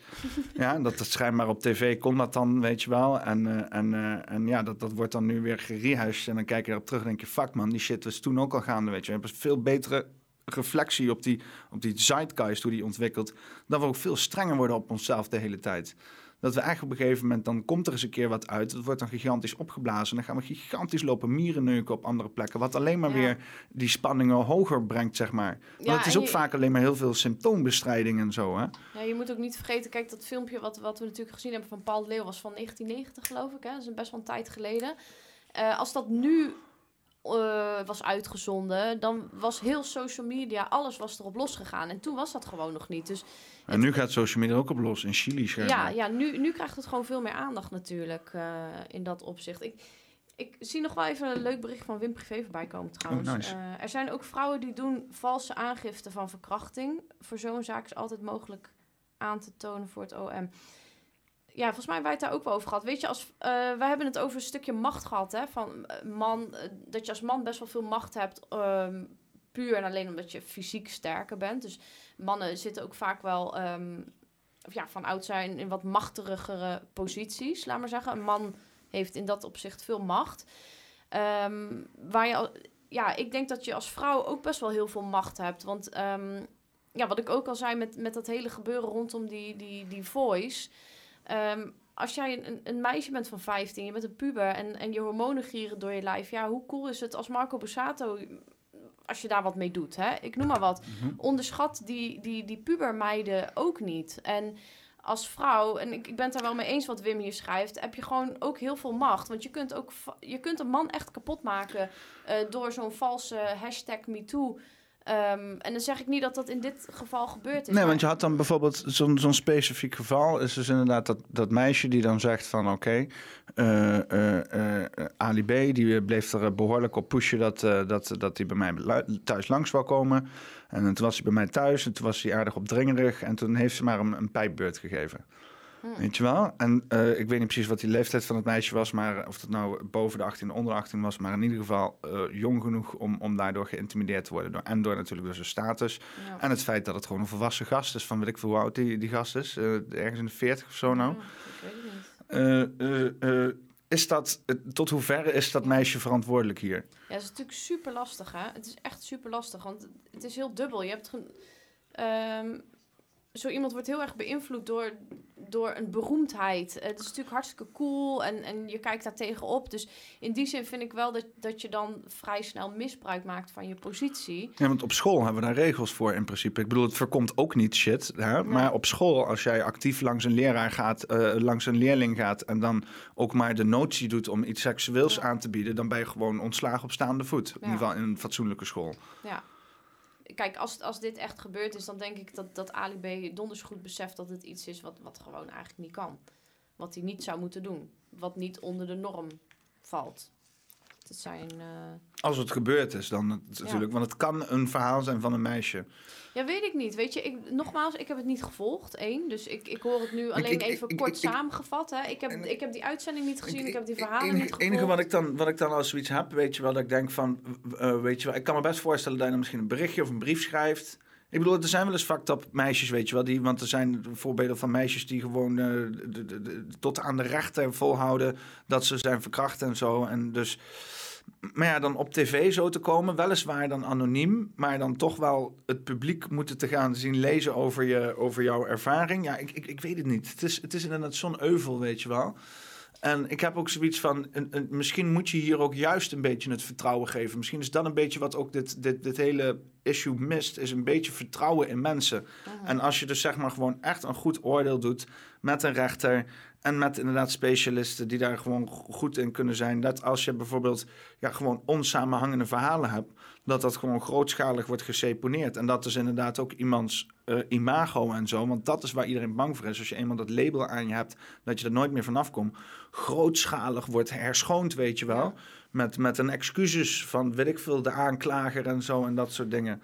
Ehm, maar maar als het gewoon in, in de rechtszaak stand houdt, weet je wel, als gewoon inderdaad die slachtoffers allerlei details kunnen noemen die eh, gewoon heel ja, overkomen met bijvoorbeeld ervaringen die andere mensen ook met Ali B hebben, weet je wel, want da- daar moet je het dan tegen afleggen. Ja, dan zou je zeggen... Ja, dan moet je toch wel ergens een keer gaan, gaan zeggen van... oké, moeten we hier geen consequenties aan hangen, Ja. lijkt mij.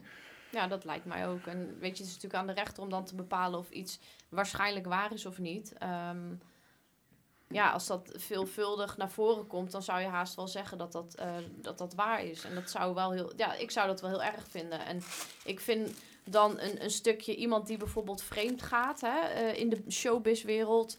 Of iemand moeten die. ze allemaal zelf weten, Ja, toch? weet je, dan denk ik van joh, eh, ga je daar nou niet zo mee bemoeien? Dat gebeurt overal. Laat die mensen lekker. Ja, het, is, het is soms af en toe een beetje pijnlijk om te zien dat die schijnheiligheid gaande is, weet je. Dat mensen zich allemaal pretenderen... Dan ben je eh, eh, beroemd en dan moet, je in één, dan, dan moet je in één keer een heilig boontje zijn of Nee, zo. nee, nee, maar je hebt mensen die dan... in- Want waar vaak die roddelbeladen achter gaan, zijn die, die mensen die dus inderdaad zelf helemaal zichzelf voordoen als een inderdaad heilig boontje. En, en dan blijken ze achteraf dat allemaal niet te zijn. En dan hebben die roddelbladen zoiets van, ha, zie je nou wel, dat was allemaal een gecreëerd imago. En daar kikken Ja. ze dan op. Ja.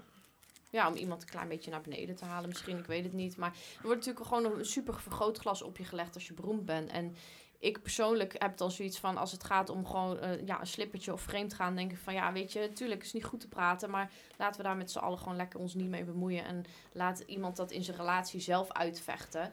Maar als het dan wel gaat om, om, om misbruik van, van minderjarigen en van kinderen in zo'n programma, ja, dan, dan snap ik wel dat dat naar buiten komt. En dat is natuurlijk wel, ja, dat is natuurlijk wel eh Ja, want waar iedereen-. Waar, waar iedereen zich over struikelt, is dat de Voice Kids gedeelte, weet je wel. Ja, en en het feit dat wel. inderdaad ook volgens mij, of in ieder geval daar struikel ik over, dat John de Mol echt helemaal zei van... Nee, bij de Voice Kids hebben we een supergoeie beveiliging. Daar hebben we twee man bij iedereen, weet je wel, om even duidelijk vast te stellen. Nee, nee, nee. We hebben die kids, dat, die houden we scherp in de gaten, want die lopen daar rond in een of andere eh, jagershut, weet je wel. Dus zo interpreteerde ik het. Dat ik ook echt dacht van, oké, weet je wel. Het is schijnbaar nodig bij de kids, weet je wel. Ik bedoel, eh, ja, je hebt natuurlijk, ik weet niet, zie jij dat bij eh, dagopvang en zo, dat er altijd twee ouders bij een kind moeten zijn en dergelijke? Bij dagopvang? Ja, ik weet niet, iemand, iemand die zei dat tegen mij, van, van dat het hele principe van er moeten ter alle tijden twee ouders of twee eh, volwassenen bij de kinderen zijn of zo, weet je wel. Dat er Bij een altijd ook... kinderdagverblijf of zo. Ja, ja, gewoon in allerlei situaties. Ja, ik denk dat dat meer met de grootte van de groep heeft te maken. Ik bedoel, ik heb in de gehandicaptenzorg gewerkt. Dan moest je ook altijd met z'n tweeën op de groep zijn. Omdat je dat... Dat is gewoon veiliger als dat je in je eentje bent. Ja, Of denk jij dat daar dan meteen die, die gedachtegang achter zit? Dat ze elkaar in de gaten moeten houden. Voor de, voor de, voor de zo nu en dan Ja. Benno L die ertussen zit. Of Benno, eh, hoe die Nou. ook heet. Ja, zo zie ik dat niet. Maar dan weet ik niet of dat zo is. Nee. Geen idee van. Nee. Nou, om in ieder geval even wat uit te zoomen van de misbruik. Oh, had je nog, want was dit, een, dit was een opmerking van Wim Privé, hè? Ja, ja, die zag ik een tijd. Maar dit, er wordt best wel veel gezegd in de chat. Dus. Chat gaat los. Hey eh, Billy trouwens, ook welkom eh, in de chat. Eh, Wim Privé zegt ook, eh, Paul de Leeuw, boos gezichtje. Ja, ja. ja, we hadden al samen vastgesteld dat, eh, ja, dat Paul de Leeuw gewoon hoe dan ook, weet je wel, of hij nou wel of niet pedofiel is, dat, maar dat, hij moet gewoon gecanceld worden. Ja, weet ik niet. Heb ik dat gezegd? Ik vond het alleen een raar filmpje. Nee, nee, nee, ik, ik heb dat, Oh, ge- ik heb dat gezegd. En dat hebben we ook gezegd in de chat vorige video. Oh, oké. Eh, weet je wel, het zou gewoon, eh, ja, het zou gewoon een opluchting zijn, denk ik. Gewoon niet, niet zozeer dat je dan retroactief allerlei dingen uit het schap gaat halen, maar dat hij gewoon niet meer op tv mag komen vanaf nu. Zijn jullie het daarmee eens in de chat? Hendrik Jan zegt ook, eh, die ge- gelijkheidsbeweging stelt eh, dat er een biologisch aspect is, man-vrouw, en een sociaal aspect. Dit laatste aspect is verzonnen door mensen, de, door mensen door de geschiedenis heen. Ja, wat ik, ik weet nog wel dat een, een keer, volgens mij was er zo'n TikTok-filmpje of een of andere in ieder geval, eh, een of andere quote die echt gaan er helemaal uit uitgedokterd, dokterd, en die legden het op deze manier uit. Van je hebt drie verschillende niveaus. Eh, de manier hoe je denkt te zijn, eh, de manier hoe je eruit ziet, hoe je wil zijn, en de manier hoe je jezelf wil registreren, zeg maar, en ook daadwerkelijk genoemd worden. Dus ik denk ook van ja, luister dan eh, maakt het op een gegeven moment ook onnodig complex. Weet je wel? Ja. Je, je maakt het niet heel uitnodigend voor mensen om zich aan te sluiten bij deze ja, beweging of zo. Zou, zou jij zoveel met gaan daar bezig willen zijn?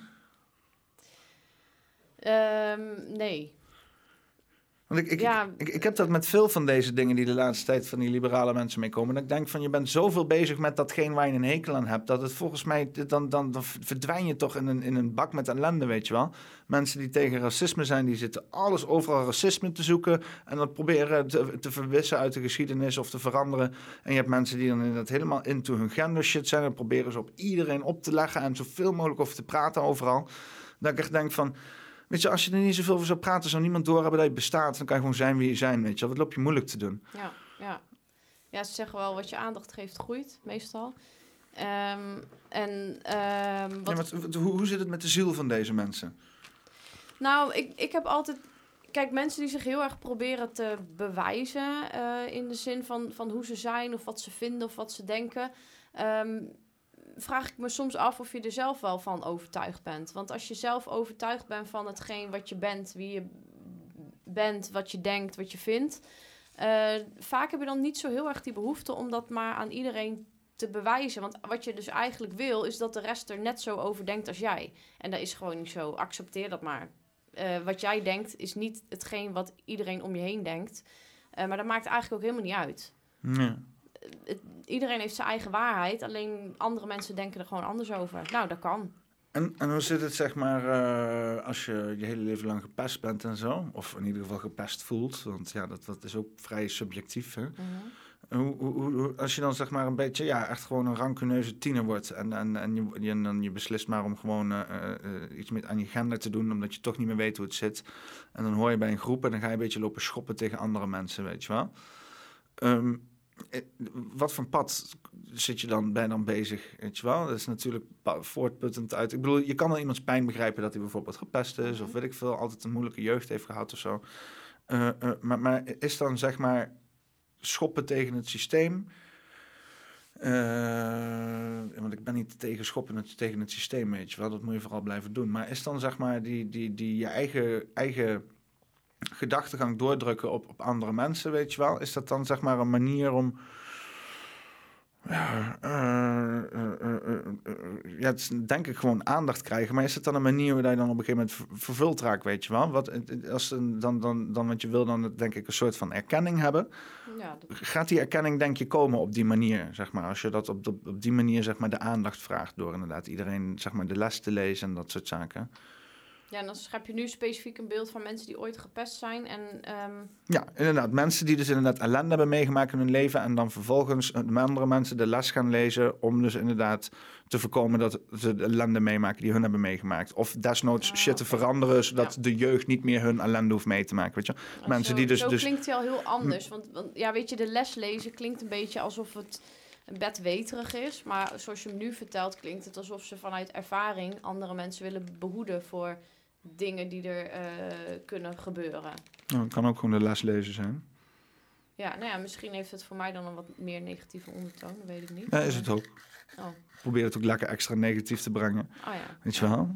Dat iemand zegt van nee, nee, nee, spring niet van die klif af. Weet je wel? Dat het Ja. hartstikke pijn als je neerkomt. Zeg ah, leer me niet de les. Hup, eraf springen gewoon. Ja, nou ja, weet je, als je dan over les hebt, kijk, dat stukje, die ziel is hier op aarde om, om ervaringen op te doen, om lessen te leren. En eh, soms moet je iemand ook zijn les gunnen. En dat klinkt eh, minder hard dan dat ik het nu zeg. Maar eh, gun iemand zijn proces. Want je kunt iemand anders niet voor alles behoeden. Tuurlijk kun je iemand soms wel voor dingen behoeden. Als je dingen hebt meegemaakt en je wil mensen daarbij helpen. ja, door ze misschien iets te leren. Ehm, maar soms wil je als ziel ook gewoon dingen ervaren. En ehm, Je moet zeg maar een pad bewandelen, zeg maar. En Ja, als je hem zeg maar ergens van probeert te be- behoeden, dan kan hij het pad niet verder bewandelen, zeg maar. Het, het moet niet, maar eh, als je iemand ergens van probeert te behoeden, tevergeefs, ja, geef het dan maar gewoon op. Te vergeefs? Ja, te vergeefs. Ter? Te, te vergeefs. Te vergeefs? Ja. Weet, ik zei, ik zei, ik zei, eh, volgens mij wel, ja, ik ben de laatste tijd word ik echt veel verbeterd op het internet. Ik word er eigenlijk een beetje scheidsziek van. maar- Oh. Nou ja, misschien heb ik het wel fout, ik weet het niet. Maar ik, ik dacht het altijd dat het te vergeefs was. Ja, misschien wel, ja. Maar, Ja, ik verstond te vergeefs. ja, ik zei het ook met die klemtoon. Oh. Te, te vergeefs. Maar ik denk misschien is het een hippe Te- afkorting, weet Ja, je wel. Dan hoef je ook niet, eh, zeg maar, het moeilijk te noemen voor ter of te, weet je wel. Dan zeg je gewoon alleen T. TVG's. TVG. De TVG. Ja. Ja.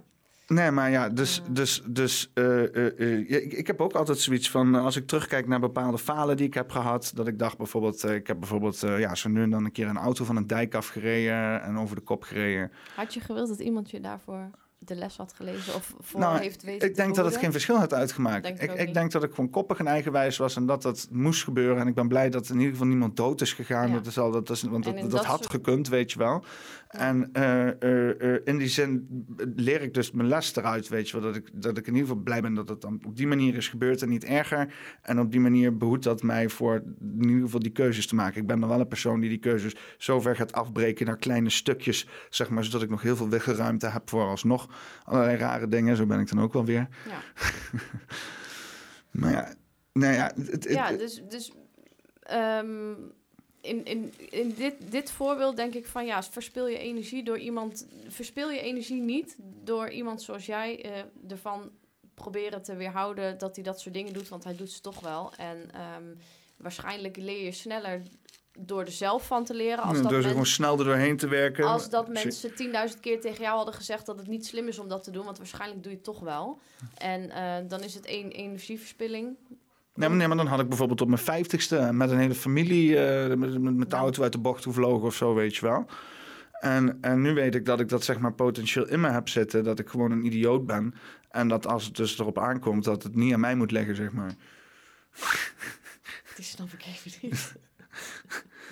Nou ja, weet ik veel. Gewoon eh, iets, met, eh, iets met keuzes maken en zo Oh ja. op een bepaald moment. Je kunt het er altijd nog op gooien van mijn ziel wilde deze ervaring, dus ik heb het maar gedaan. Ja. Nee, ja, ja, het is, het is, eh, het is een stukje. Ik vind het wel een stukje bevredigend om inderdaad te bedenken dat, dat er dus inderdaad een, een connectie is met iets wat voor mijn leven gebeurde. Hè, om dus inderdaad misschien bepaalde onverklaarbare zaken in mij te verklaren. Ik bedoel, ik probeer alles te verklaren dat wat binnen mijn macht is. Eh, dus bijvoorbeeld eh, reflecteren op het, mijn omgeving, weet je wel. Dat heb ik daar en hier op gepikt. Reflecteren op de dingen die ik heb tot me genomen. Van, oh, dat heb ik daar en vandaar geleerd en zo. Eh, dingen die ik heb meegekregen van mijn ouders, weet je wel. Van, oh, dat zijn eigenschappen die zijn van mijn pa, of zijn van ma. Of dit zijn echt familiedingetjes of zo. En eh, dan nog steeds mist er gewoon een gigantisch gat van, ja, van echt dingen die ik helemaal niks heb met al die dingen. Nog met mijn omgeving, nog met mijn familie, nog met de dingen die ik heb geleerd, weet je wel. Wat bedoel je met het gat dan? Nou ja, dat ik zeg maar dus alle, ik kan, kan dus al die, die aspecten invullen, zeg maar. Maar dat, dat, ik heb het idee dat het mij dan, weet ik veel, 25 tot 50 procent van mij is. Dat ik nog steeds 50 procent iets heel anders ben. Dat niks te maken heeft met mijn omgeving, niks te maken heeft met allebei mijn ouders. En niks te maken heeft met de dingen die ik tot me genomen heb. Mhm. Snap je wat ik bedoel? Ja, dus dat er een, een bepaald aspect is wat, wat je omgeving is, wat beïnvloedt tot wie je bent. En dat er een eh 50% is die ehm, echt jij bent. Ja, ja, dat is geen exacte wetenschap. Dus, maar eh, wat ik wil, wil zeggen van... Ja, ik, heb, ik, ik heb inderdaad gewoon een klein aspect wat ik gewoon echt heel duidelijk kan terugleiden naar. En weet je, wat zijn er bepaalde eh, karaktereigenschapjes, eigenaarden, eh, eigenaardigheden, eh, dingetjes waar je in terugvalt, die ik dan kan herleiden naar of mijn vader of mijn moeder. Of naar bijvoorbeeld eh, dat ik bijvoorbeeld ook drugs gebruik. Weet je wel, als ik in een heel andere omgeving was omgevoed, had ik misschien heel anders tegen drugs aangekeken. Maar ja, hè, fucking dorp werd gewoon overal drugs gebruikt schijnbaar. Hè. Schijnbaar heb ik het ook wel gevonden, maar als ik in het Barneveld was opgegroeid, was het wel heel anders geweest, denk ik. Dus misschien verslaafd geweest aan God of zo. Niet dat ik verslaafd ben aan drugs, maar ik heb periodes gehad. Maar in ieder geval, het is, eh, eh, eh, dat, met, dat is zijn dan zeg maar tijdelijke momenten, weet je wel. Dan heeft hij dat dan wel gevormd. Maar dan daad- daadwerkelijk van wie ik dan ben, weet je wel. Dat koppige, eigenwijze, opvliegerige, ja, toch wel warrige, creatief denkende, zeg maar. dat, dat, ja, dat, dat, dat heb ik niet van mijn vrienden. Ik heb het niet geleerd van een leraar. Ja, mijn ouders hebben het gestimuleerd, maar het is niet alsof mama heeft gezegd van... oh, weet je wel, dit is eh, hoe je het creatief proces moet aanpakken, weet je wel. Zij was van de, van de taal en van het leren, wel van het coachen natuurlijk in het leven staan. Mijn vader was heel erg van de techniek, weet je wel. Nou, ik ken, ik ken natuurlijk, ik zeg weer super vaak, weet je wel, ik moet toch ophouden. Eh, alle camera's, aansluitingen, draadjes, dit is wel voortgekomen uit dus dingen die ik van mijn vader heb geleerd. Maar Weet je wel. weet je wel. Nee, maar ik, wat ik zou zeggen, ik heb zo'n idee dat gewoon een heel groot deel. Eh, eh, je hebt zo'n startpakket en dan vervolgens bouw je daar echt een hele grote korst op. En elke korst die je bouwt, die omvangt een veel grotere oppervlakte. Dus op een gegeven moment ben je veel meer dan alleen die invloeden, zeg maar. Je bent sowieso veel meer dan alleen die invloeden. Die invloeden komen er allemaal later bij. Ja, Je bent sowieso veel meer dan alle invloeden. Maar die worden er gewoon later opgeplakt. maar, maar hoeveel denk je is het wat je zeg maar oppakt in dit leven en wat je zeg maar dan mee hebt genomen van voorgaande dingen? Want als je dan bijvoorbeeld dan zo'n in de theorie dat je zegt van nee, je bent een oude ziel, jonge ziel. Als je een oude ziel bent, dan heb je dus schijnbaar een soort van karakter of zo, wat dan constant weer terugkomt. Heel erg hard zou je zeggen, omdat het dan helemaal in die ziel gebakken Nee, zit. nee. Of, Ik denk dat, ik denk dat een, een, een, denk dat een ziel niet per se, of een karakter niet per se in je ziel zit. Tenminste, dat geloof ik niet. Ik, een ziel is gewoon een hele pure energie. En het is, ehm, ja, het is bijna onbeschrijfelijk eigenlijk. Ehm, maar ik denk dat een stukje karakter iets heel aards is. Eh, iets heel fysieks. Wat je dus meekrijgt in, in je, je, je lichaam hier op aarde. Ehm, maar ik denk dat, dat die ziel heeft wel bepaalde herinneringsenergie van al je voorgaande levens. Alleen doordat je weer incarneert en een nieuw lichaam krijgt en weer hier eh, ja, als een babytje clean op aarde komt, eh, weet je dat gewoon niet meer. Dus al je herinnering van voorgaande levens is gewoon per definitie gewist in dit leven. Maar het kan soms wel zijn dat je wat ehm flarden krijgt van eh, vorige levens. Om een voorbeeld te noemen, ehm, ik ben een aantal jaar in Griekenland geweest. En het eerste jaar dat ik daar was, de eerste zeven maanden, begon ik vrij snel te dromen in het Grieks. Eh, er begonnen mij woorden te binnenschieten in het Grieks van voorwerpen die ik zag. En in één keer schoot gewoon het Griekse woord mij te binnen. Ehm, ja, ik zag hele flarden van zinnen, van woorden in Griekse letters in mijn dromen. Die schreef ik dan 's ochtends op en die moest ik dan vragen aan mensen wat het betekende. Ik sprak vrij snel Grieks zonder dat ik het echt geleerd heb. ehm, ja, in een opleiding of in een cursus. En ik ben ervan overtuigd dat dat gewoon een herinnering is van mijn ziel uit een vorig leven. Dat ik eh, door me te begeven in dat land en in die energie eh, op die plek en, en de taal weer te horen, dat dat, dat, dat gewoon een, soort van herinnering is die naar boven komt eh, in de energie van mijn ziel.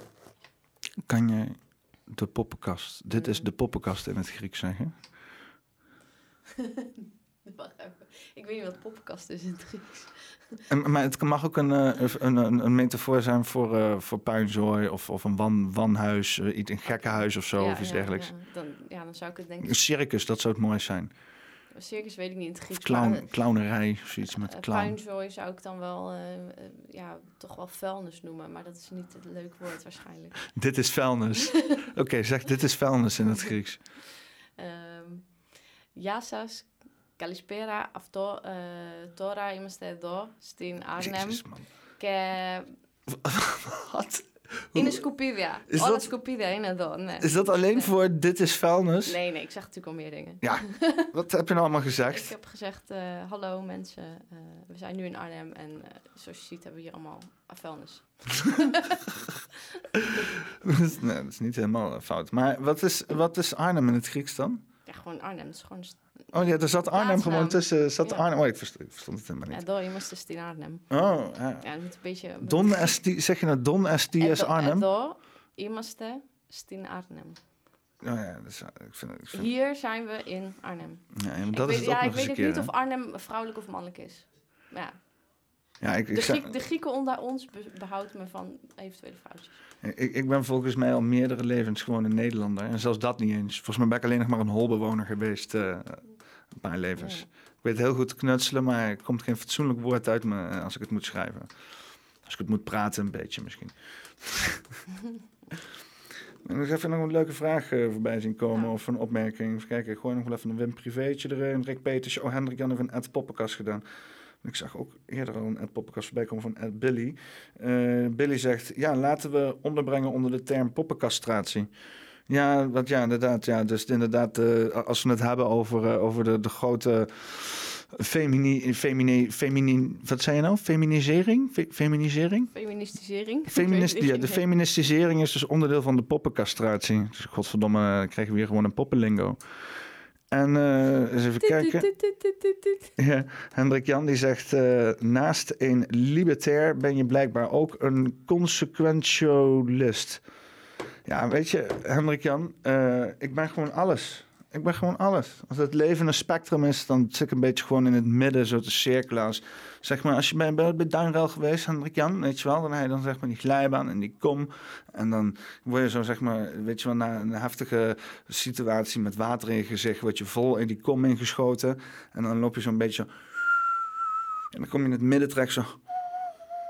En dan helemaal in het midden daar zo, dat, zeg maar, dat cirkeltje daar zo, voordat je dat gat invalt, daar blijf ik eeuwig zo rondzwerven zo, weet je wel. Gewoon een beetje zo in het midden zo, dicht bij de kern, weet je wel. Allemaal dat buiten shit, daar heb ik helemaal geen interesse in. Gewoon een beetje lekker zo rond die kern blijven rondcirkelen, daar hou ik wel van. Alle kanten, alle kanten op. Snap je dat? Is dat iets wat je, wat je kan begrijpen, metaforisch? Nee, ik heb alleen begrepen dat je rondom de kern cirkelt. Ehm, We moeten Hendrik Jan ook heel even vertellen over de pasta carbonara. wat wil Hendrik Jan weten over de Nou, pasta carbonara? Hendrik Jan wil altijd constant alles weten over de pasta carbonara. Ik heb het verhaal over de pasta carbonara, eigenlijk gewoon het bereiden van pasta carbonara, nou drie keer verteld. Mhm. Maar elke keer vraagt hij in de chat, ik weet niet of dat nu heeft gedaan hoor. Vertel over de pasta carbonara. Oké, ik wilde wel wat over kwijt. Ik Ja. heb hem niet bereid. Ik heb hem wel gegeten en dat was echt goddelijk lekker. Mijn ziel smulde daarvan. Oké. Het eh, wel een beetje containerbegrippen. Kan je wat exacter zijn? Nee. nou ja, zeg. Ja, het was gewoon lekker. Ja. Ik heb gewoon heerlijk gegeten. Nou, Dus, ik heb eh, dit keer dus ook wel weer even gewoon... eh, want de laatste keer dat ik het bereid heb, was eigenlijk een beetje ook zo van... en ik heb nu even helemaal goed, goed gedaan, weet je wel. En gewoon inderdaad... eerst even de spekjes voor laat marineren in olie en knoflook. Veel knoflook, veel motherfucking knoflook. En een beetje Zuid- en Italiaanse kruiden. En dan vervolgens gewoon in die pan jenst op een laag vuurtje. Hè, dus helemaal niet eh, hoog en zo. Dus gewoon die knoflookjes niet laten aanbakken. En dan op een gegeven moment na een minuutje of drie, vier de, de uitjes erbij flikkeren in het midden. En dan die spekjes aan de zijkant opschuiven. Zo. Je dus een beetje, ja, vooral bezig met die uitjes. En die bakken dan lekker in, eh, in het vet van die spekjes en zo. En dan eh, ondertussen je die pasta al gaande. Dan eh, op een gegeven moment heb ik wat eh, van die... Parmezaanse kaas. Ja, ja, dat komt later. Oh. Dat, eh, nee, ik was bezig met de spek nog, met de re- spekreepjes zo. Flik ik dan in het pan zo. En dan, ja, eh, dan op een gegeven moment in dat bakje waar ik dan die spekjes in heb gedaan, waar nog een beetje olie en die knoflook shit in zit, daar doe ik dan de eieren in eh, Kloppen. Ja, een klein scheutje room erbij, omdat ik gewoon een luie motherfucker ben. Eigenlijk is het eh, carbonara godslastering om überhaupt enige melkproducten erbij te doen. Hoort het eigenlijk volledig op de eieren te doen. Maar ik ben een beetje bang af en toe dat de eieren te hard gaan stotten. Dus klein scheutje eh, eh, eh, room erbij.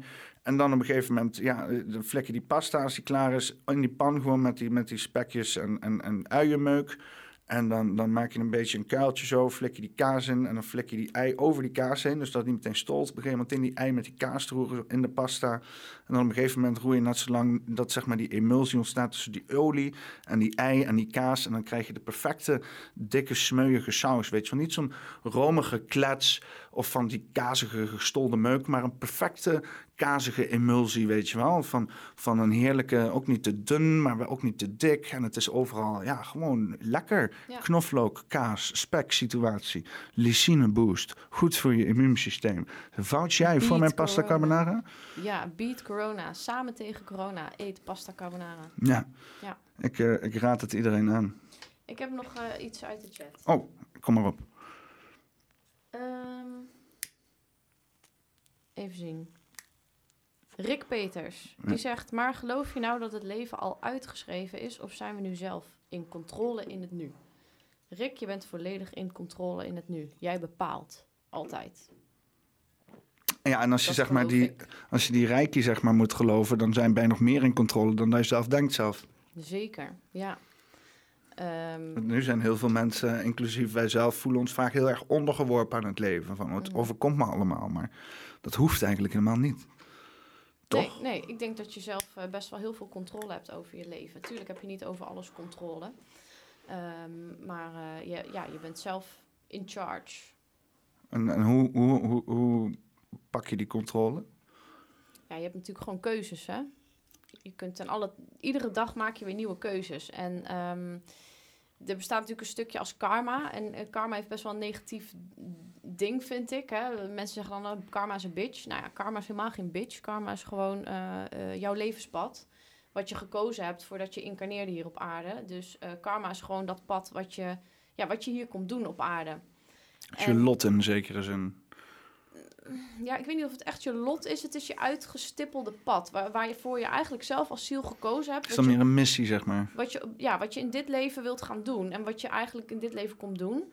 Het pad wat je gaat bewandelen. En daarnaast heb je ook nog een, een, een eigen keuze, een vrije wil. Dus als jij eh, op een bepaald moment besluit om rechtsaf te gaan... in plaats van rechtdoor op dat pad te blijven... dan kun je gewoon rechtsaf gaan. Je kunt net zo lang rechtsaf lopen wat je maar wilt...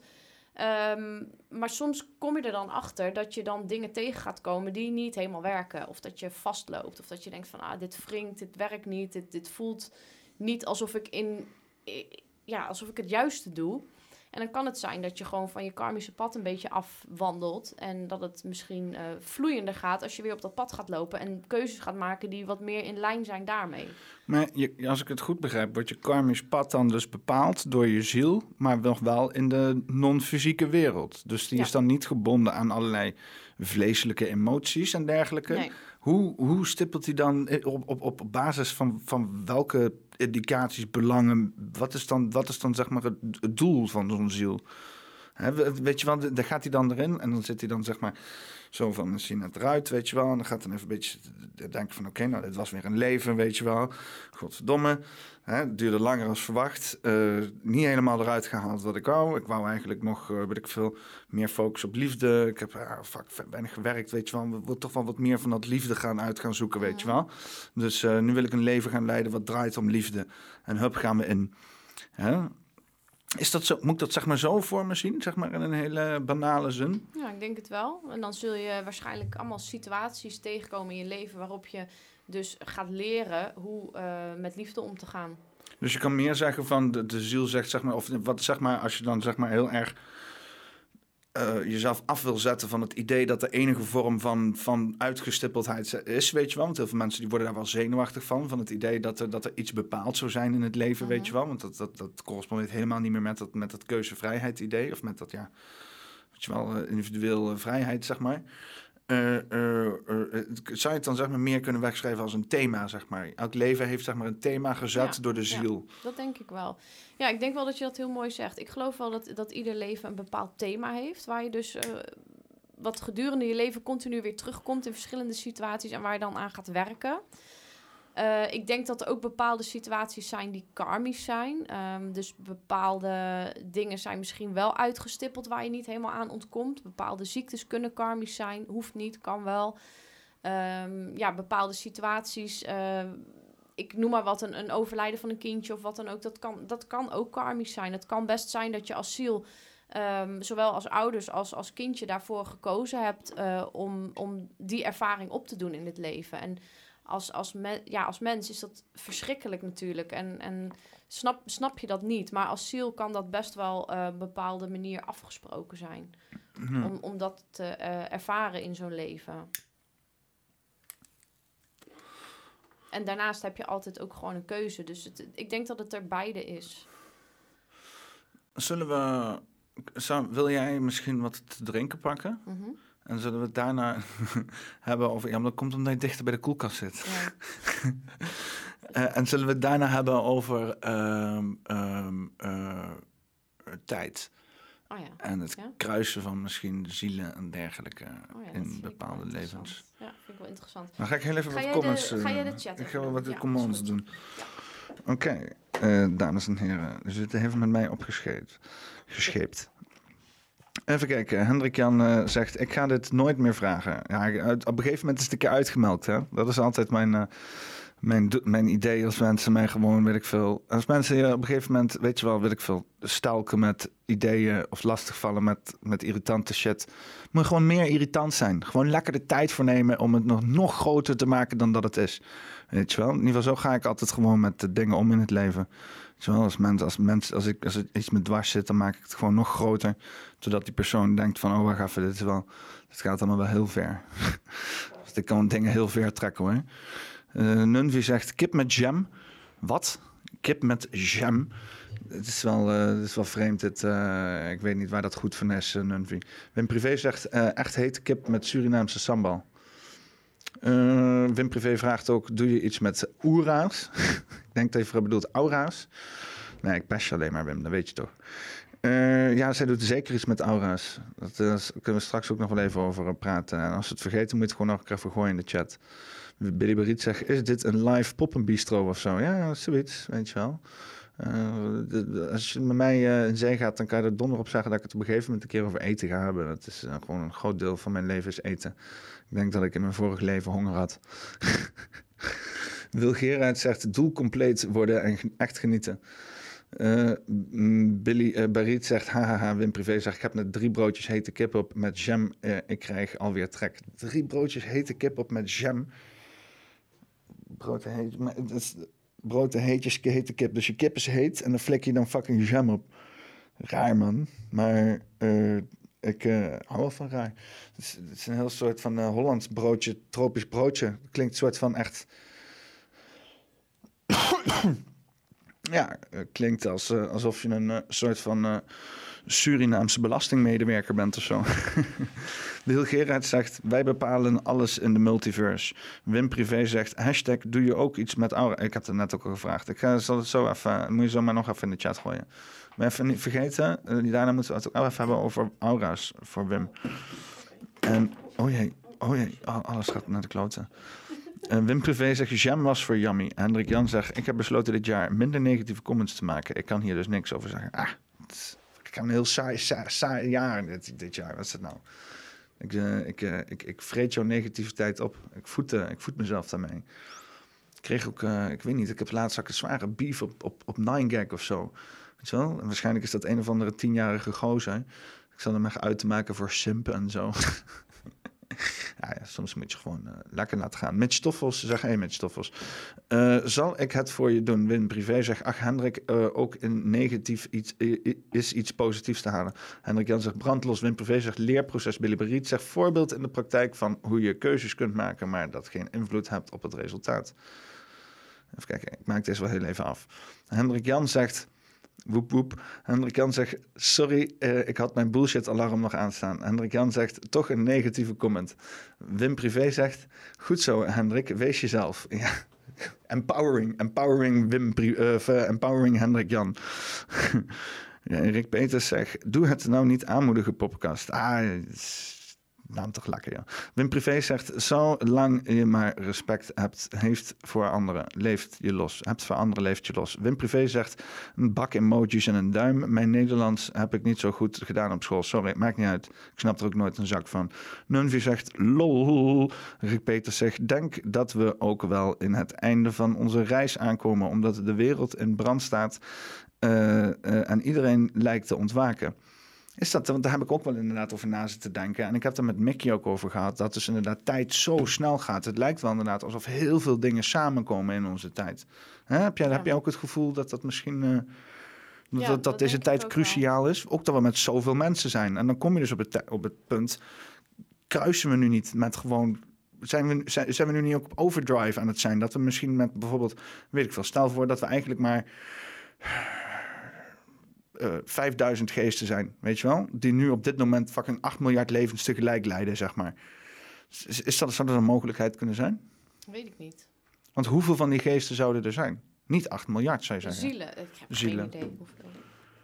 Ik, weet je, ik denk dat, dat, dat we als ziel allemaal een, een onderdeeltje zijn van het grote geheel, van, vanuit de godsbron.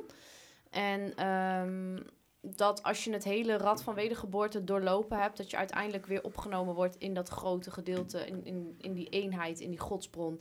En eh, dat daaruit ook gewoon weer deeltjes kunnen ontstaan. Maar is Dus dat dan, zeg maar... of je echt spreekt van aantallen. eh, dat Is dan die ultieme godsbron, zeg maar, een soort van het moederschip der zielen? Ehm, ja, zo zou je het kunnen noemen. Het, het is gewoon, het is gewoon het, ja, ik weet niet. Ik, ik zou het niet zo goed in woorden kunnen brengen wat, wat het ik- precies eens- is. Ik heb wel eens zitten nadenken ter aanleiding van zo'n filmpje van Kurzgesagt. Die heb ik ook wel eens aan jou laten zien. Het ei heet dat. Dat hij dus inderdaad dat beeld schetst over die reïncarnatie. Maar dat we uiteindelijk allemaal één wezen zijn. Die dus Ja. inderdaad zijn doel probeert te halen.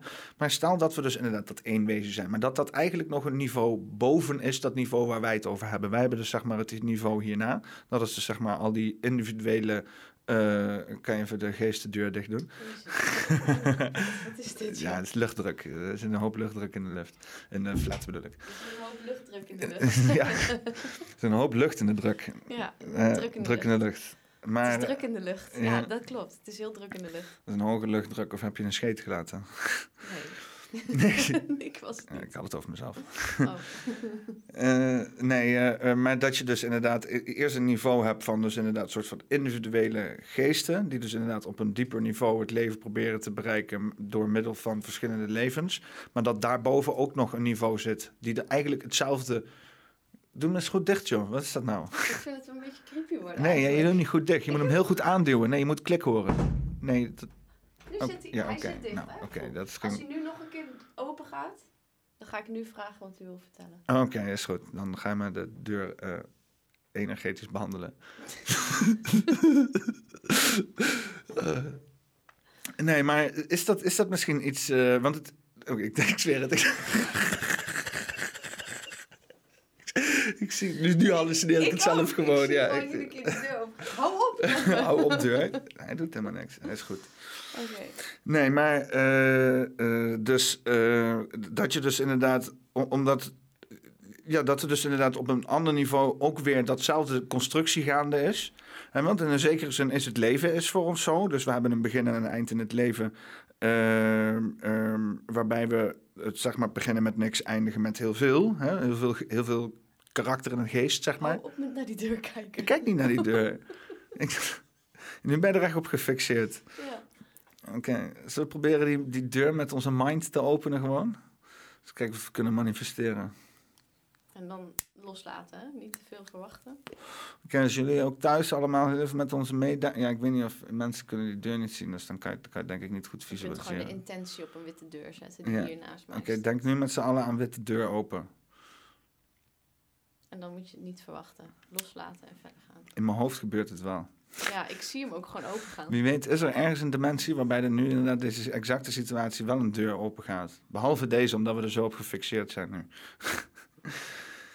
nee, maar, maar eh, zie je dat zoiets zitten? Is dat zeg maar een beetje een idee van, van, van constructie? eh, waarbij je zo, want die, hierna, zeg maar, die volgende dimensie is natuurlijk al mind blown. Want ik bedoel, wat ik zeg, je, je, je denkt vanuit een punt waarbij dus inderdaad tijd niet relevant is. Eh, emoties, alle vleeselijke belangen die we hier hebben, zijn niet meer relevant. Dus dat is al een hele opper, opperdimensie, zeg maar, waar we in zitten. Maar daarboven, wat daarboven is natuurlijk, dat heeft dat niet eens. Weet je wel, niet eens die, zeg maar, die wensen of die missies of die thema's die dan die zielen willen behalen. Zelfs daarboven zit dan nog iets meer verlichtends, iets ubergroots. Is dat, is dat, is dat, is dat iets eh, wat je hersens kietelt? Mm, nee. Sorry. nee, niet echt eigenlijk. Ehm, ehm, ik, weet, ik weet niet of daar iets boven zit. Weet, weet ik niet. Ik weet natuurlijk het allemaal niet zeker. Hè? Ik, ik loop ook maar wat te zeggen wat ik denk hoe het is. Nou, oké. Zullen we dan maar gewoon wat comments doen, hè? Ik wil gewoon even, even wat, wat soort van filosofische benadering op... eh, extra, extra filosofische benadering op misschien een toch al iets holistisch begrip, zeg maar. Maar jij, bent, jij bent daarin eigenlijk veel te nuchter, of niet? Ja, maar ik, ik, we, we hebben het natuurlijk laatst over gehad dat ik misschien wat meer eh, de zweverigheid in moest gaan. Er vol in moest Ik duiken. Dat is, dat is induiken. dus we moesten vol induiken. En ik, ik ben inderdaad soms wel wat te nuchter. Eh, nou, niet te nuchter. Ik vind het juist wel fijn. Ik, ik wil het wel graag allemaal ook van een, nuchter, een nuchtere kant bekijken. Maar misschien kan het geen kwaad als ik gewoon eens helemaal eh erin duik. en kijk wat er dan ehm, op me afkomt. Wim Privé die had het dus over aura's. Want wat hebben de Oh. aura's dan precies te maken met de ziel? Oh, dat is leuk dat u dat vraagt, want ik wilde daar inderdaad wel wat over zeggen. Als we het dan. ehm, ehm, de aura heeft een aantal lagen. Als het goed is, heeft hij zeven lagen. En eh, een van die lagen heet ook het reïncarnatievoertuig. En ehm, dat is je aura-laag die dus te maken heeft met, met eerdere incarnaties. Om een voorbeeld te noemen, mensen die bijvoorbeeld eh schizofreen zijn, die dus meerdere eh, persoonlijkheden hebben, hè, zeggen ze. ehm, en die dus dat ook daadwerkelijk eh, ervaren.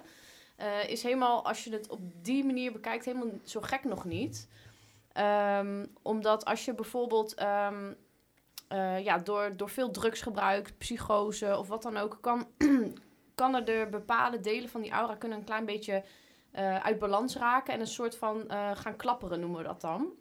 Dus dat stukje aura-laag kan dan een beetje ehm, ehm, ja, gaan fladderen om je heen. Ik weet niet of ik dat goed uitleg. Eh, Ehm, wa- wapperen?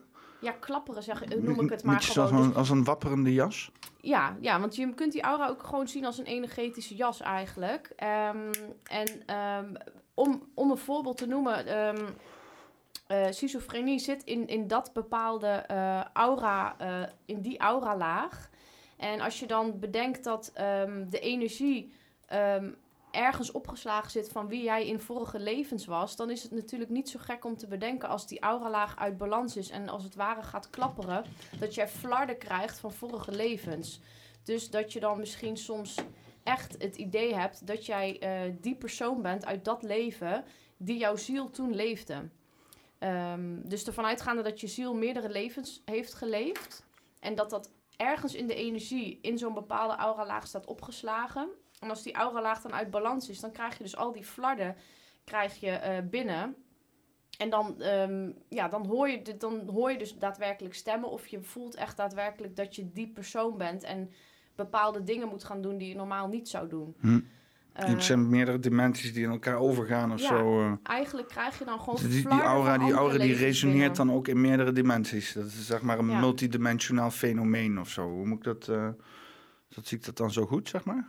Ja, in principe zit hij gewoon op zijn plek en functioneert hij in dit leven. Maar als het dus uit balans is of gaat door, ja, wat, door trauma, door ehm, ja, wat ik al zei, hè, psychoses, eh, drugsgebruik, dergelijke, kan, kan dus zo'n auralaag verstoord raken. En eh, kun je dus dat soort, ehm, als je daar aanleg voor hebt, kun je dat soort eh, dingen gaan ontwikkelen. En ehm, ja, een logische beredenering zou kunnen zijn dat dat dus gewoon flarden zijn van vorige levens die je dus binnenkrijgt. En ehm, daadwerkelijk, je bent het namelijk ook echt zelf. Want jouw ziel, wie je bent, heeft al die levens geleefd. Dus vandaar dat het ook echt voelt alsof jij dat bent.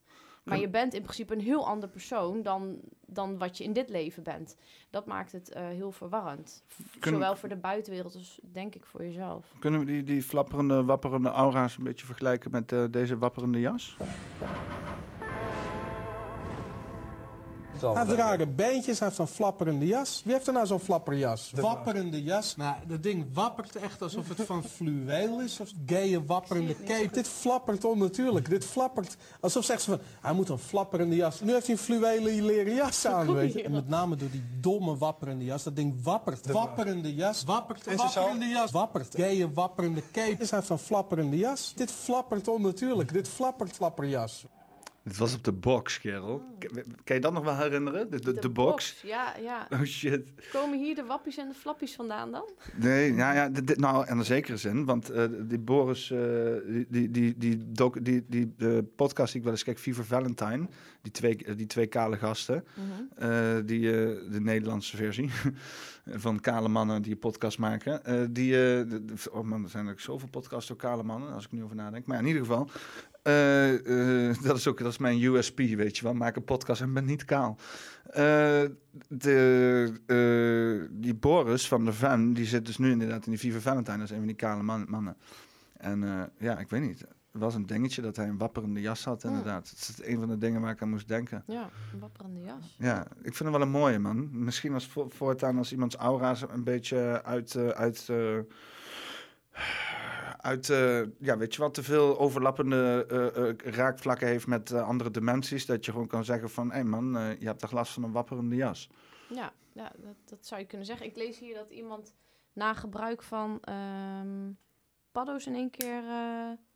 oh ja, na gebruik van paddo's en alcohol plotseling auras kon zien. Mitch Stoffels zegt dat. Oh. Ja, ik denk wel dat dat kan.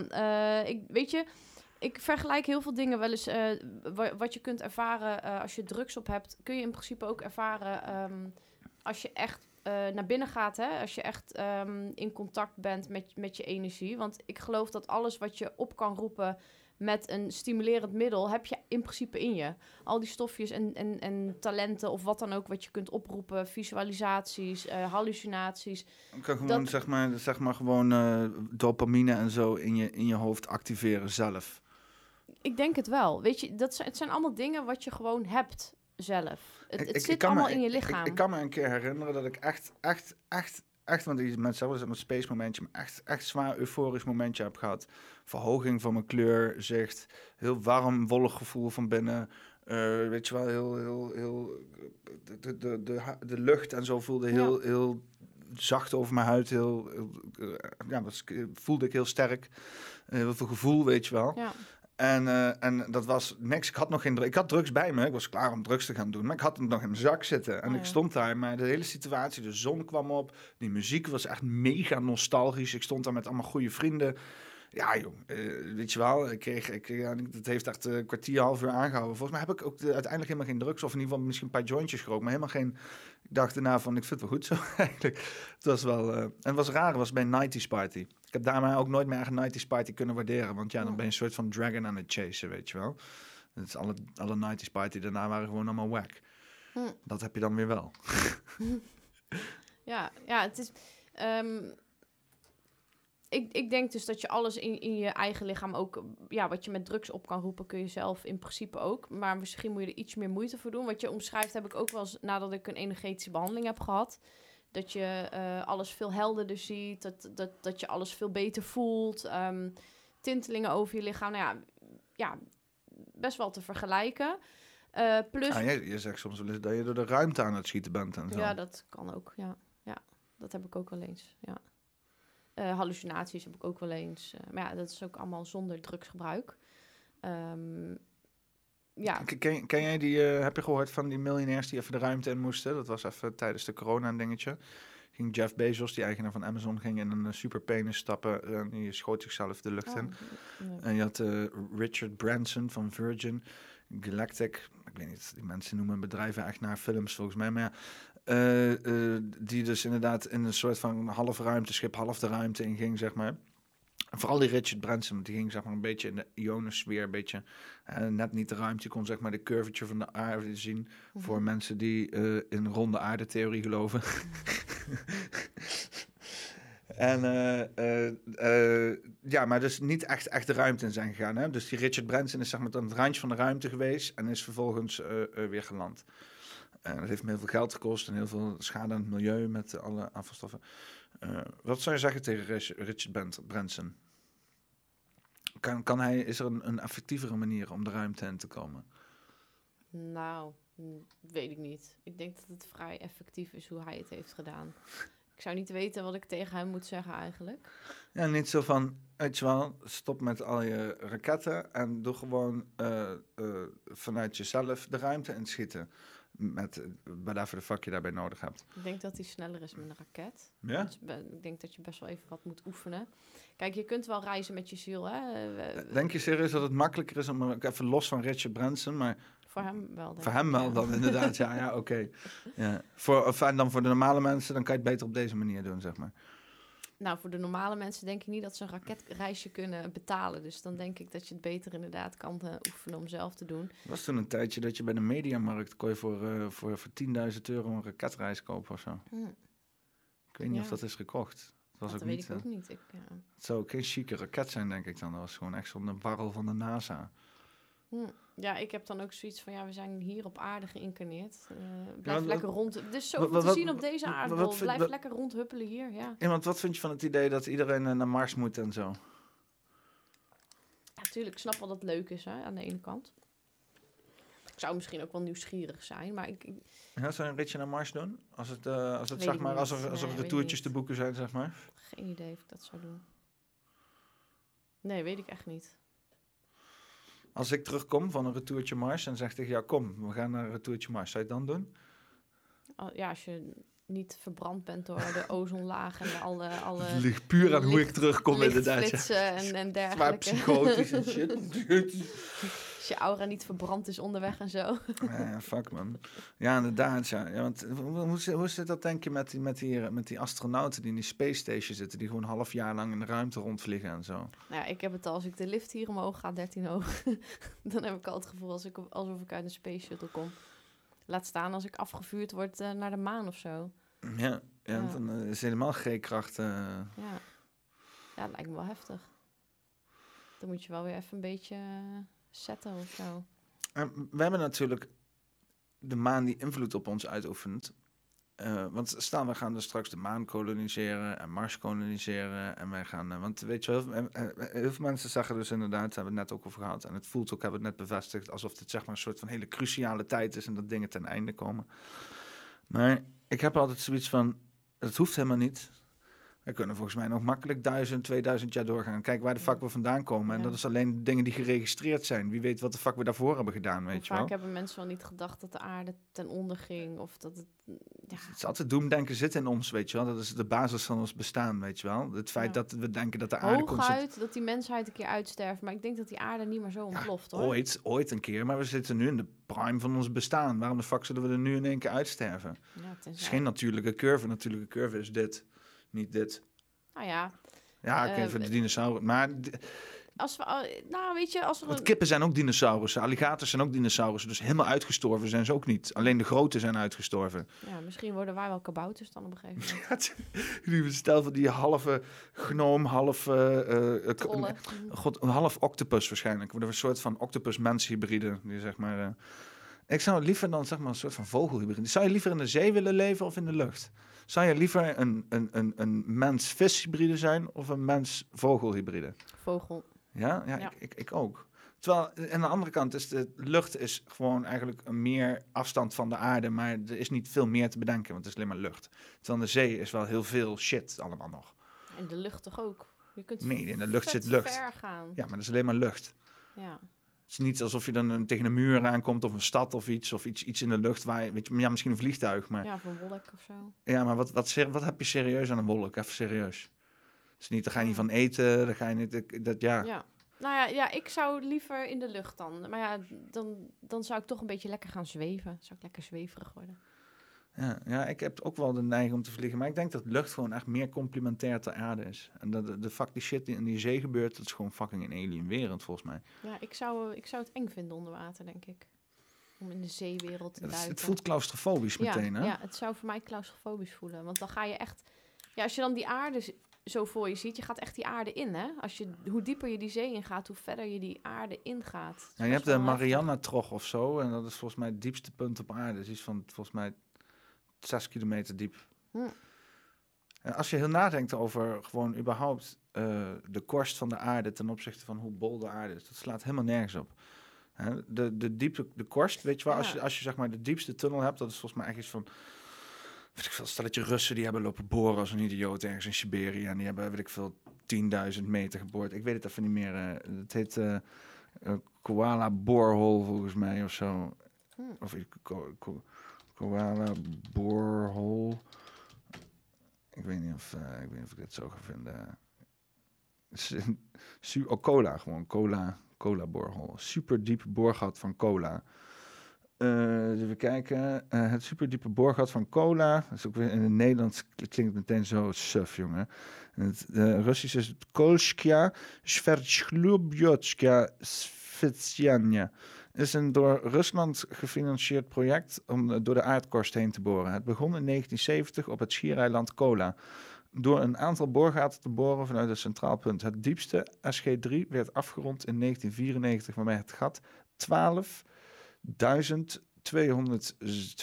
12.262 meter diep was gecreëerd. Het diepste gat ooit gemaakt. Dus 12.000 eh, meter diep. Maar dus inderdaad, eh, als je kijkt naar hoeveel dat is ten opzichte van hoeveel we nog moeten.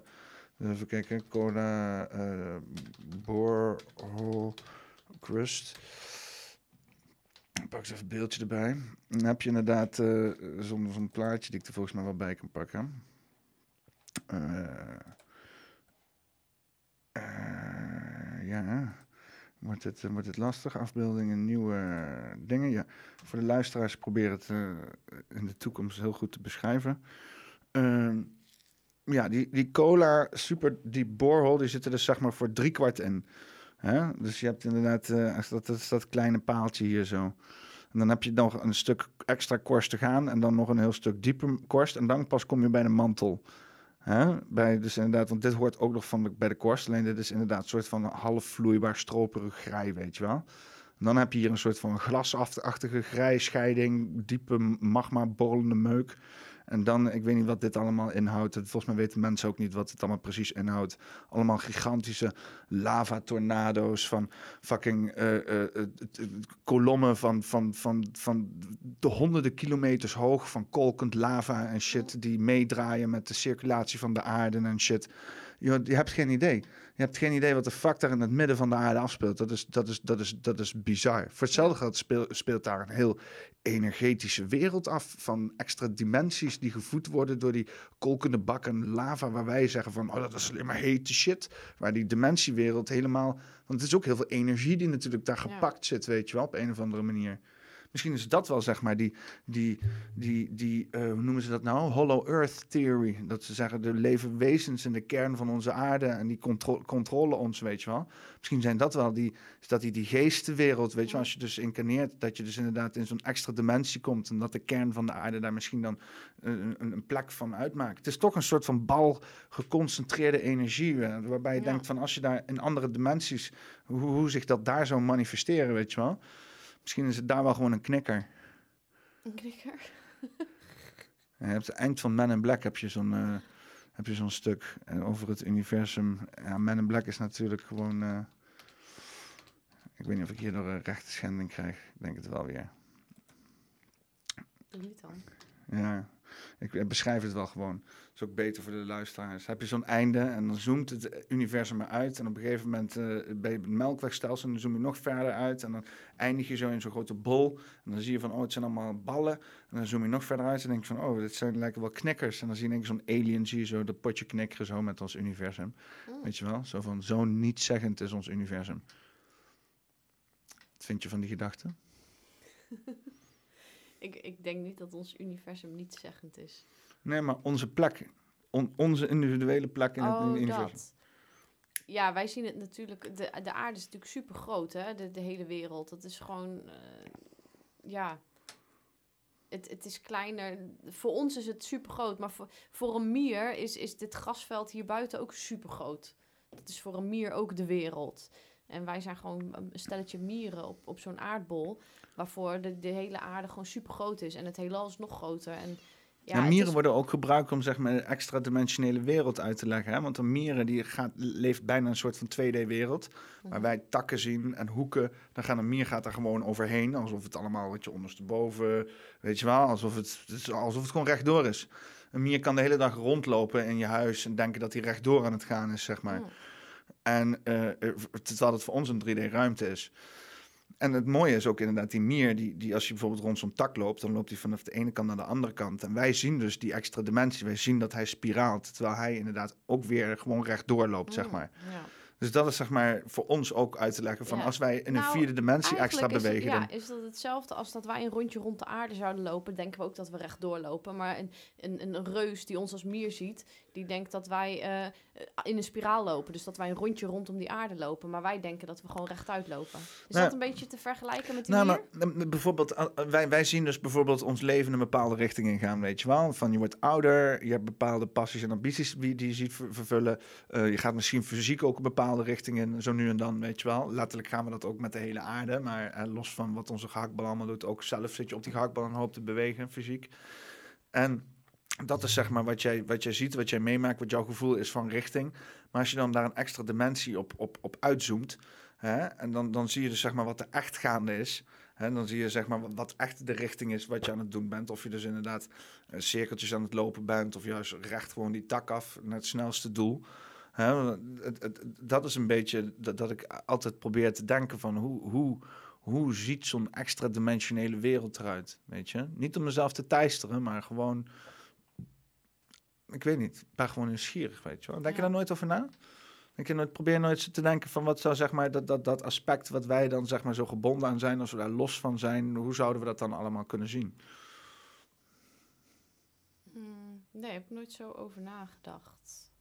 Als wij los zouden zijn van, van ons lichaam, bedoel je? Ja, een beetje zoals, weet je wel, eigenlijk is het gewoon heel banaal in de theorie wat jij vraagt van, van hoe, weet je, hoe het er zou zijn om inderdaad weer die missie te zetten voor het volgende leven. Weet je wel? En om vooral ook dat, dat perspectief te kunnen zien, weet je wel. Hoe jij dus inderdaad door die driedimensionele wereld hebt beweegd en dat je dat dan multidimensionaal kan zien. Dan kan je dat pad zien of zo op een of andere manier. Ja. Ik, ik, ik weet niet, ik weet niet, ik, ik weet niet. Ik probeer dat te visualiseren. Jij Ja. hebt er ook moeite mee, weet je wel. Jij zegt ook Ja. van, ik vind dat moeilijk te Ja, visualiseren. ik kan dat niet zo goed visualiseren. Want ik denk als je, ja, als je eenmaal ehm, uit dit lichaam bent en, en ergens naar een andere dimensie gaat, dat, dat er eh, meer een soort van gevoel is, meer dan een, een, een visualisatie. Ik weet het niet. Ja, ik kan het me ook niet gewoon. Ik zit ook maar gewoon in een menselijk lichaam. Ik kan het me ook helemaal niet voorstellen. Ik weet het niet. Ja, maar ik heb dus zeg maar een beetje dat hele idee dat je dus nu eh, hè, dan reïncarneert. En dan denk ik van wanneer komt dan zeg maar die, eh, die afrekening waarbij je dus dan terugkijkt op je leven en denkt van ja, dat was allemaal kut. Maar dat is dus eigenlijk alleen als je dat thema of die missie ge- gefaald is misschien een groot of, Nee, of, of, of driedimensioneel waard. Maar eh, eh, ja, nou ja, ja. Maakt niet uit of je ge- gefaald of behaald hebt. Ik, ik denk dat je op een gegeven moment toch wel, eh, als, je, als je doodgaat, een klein filmpje te zien krijgt en terugkijkt op je leven, wat je allemaal gedaan hebt. En ja, ben je niet klaar met een bepaald thema, dan neem hem toch gewoon mee naar een volgend leven. Zo simpel is het, denk ik. Ja. Ja, dat stukje nog inderdaad met, met tijd. Want, want Oh ja, tijd. Hoe, hoe, zit je, hoe zit je nou met inderdaad tijd? Ja, En, en, en meerdere levens en elkaar kruisen. Ja, dat, dat vind ik ook lastig te, eh, te bedenken. Ehm, ja, tijd is gewoon een gek ding. Het is een heel aards ding natuurlijk. Want ehm, energie is iets wat altijd blijft bestaan. En je ziel is natuurlijk ook gewoon energie. En dat blijft gewoon bestaan. Ehm, en tijd is daarin gewoon iets wat wij op aarde eh, vooral hanteren. Ehm, het, het, ja, het geeft ons houvast. Het is ook een, een gek begrip of zo. eh, tijd. Ik weet niet of je als ziel in meerdere levens tegelijk zou kunnen leven. Dat weet ik niet. Vind ik heel lastig om dat eh, me te bedenken. Maar ik denk wel dat je in kan tunen eh, op een energie uit een andere tijd.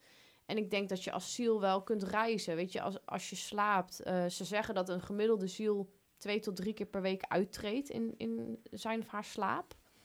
En dan, dan reis je ook overal naartoe. En dan denk ik dat je ook gewoon naar andere tijden reist. En naar andere werelddelen of naar andere planeten. Je kunt overal heen waar je maar naartoe wilt. Ehm, ja, in die zin kun je als ziel wel door de tijd, denk ik, reizen. En, en, en door, door bepaalde herinneringen of toekomstbeelden of dergelijke. Maar ja, dat gaat mij ook gewoon ver boven me. Ja, want dat zou dan betekenen dat je dan allerlei levens al kan uitkiezen van tevoren, zeg maar.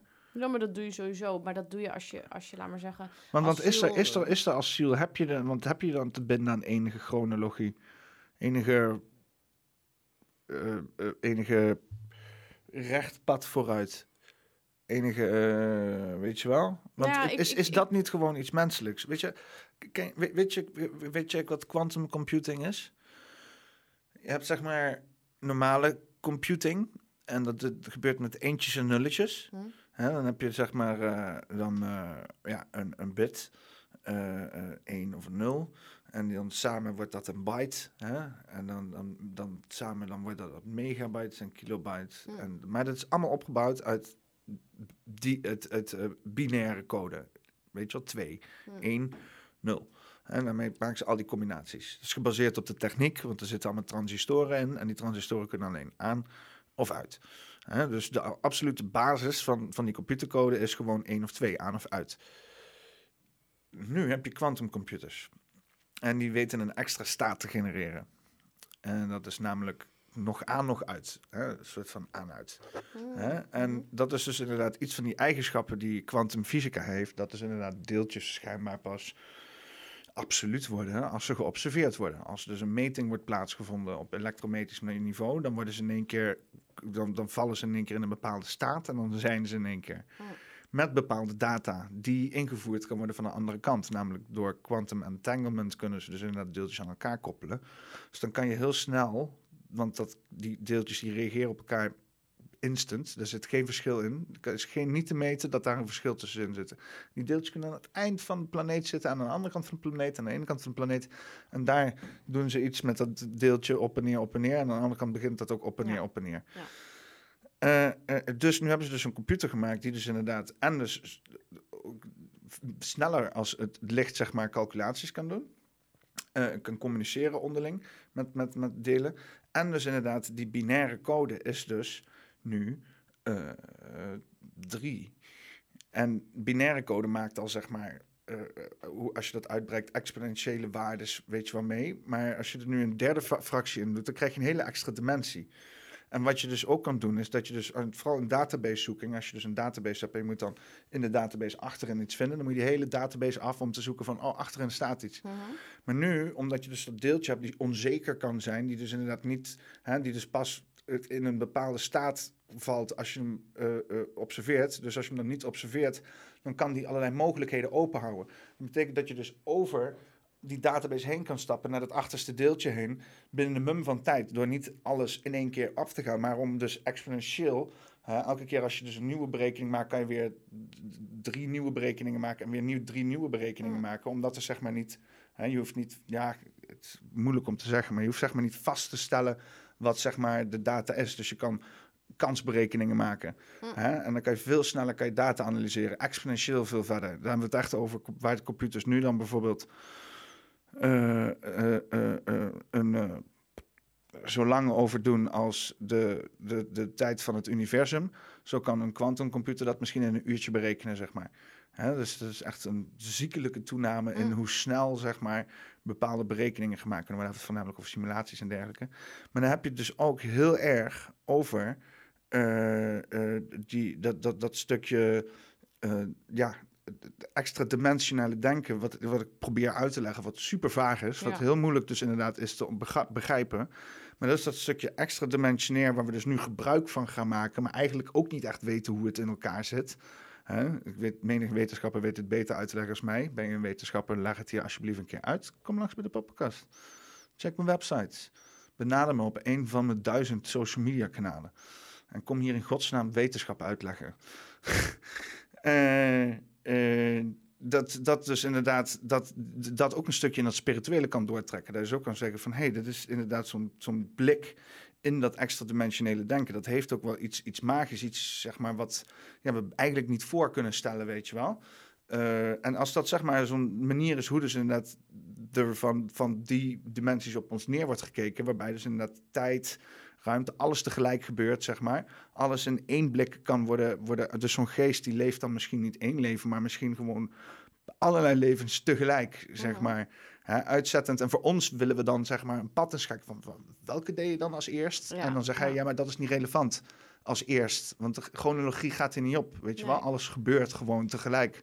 Hè? En er kan misschien een focus ergens liggen en hij is het nog steeds, maar het is niet in de manier hoe wij zeg maar lineair denken zeg maar hebben. Is dat, klinkt het logisch?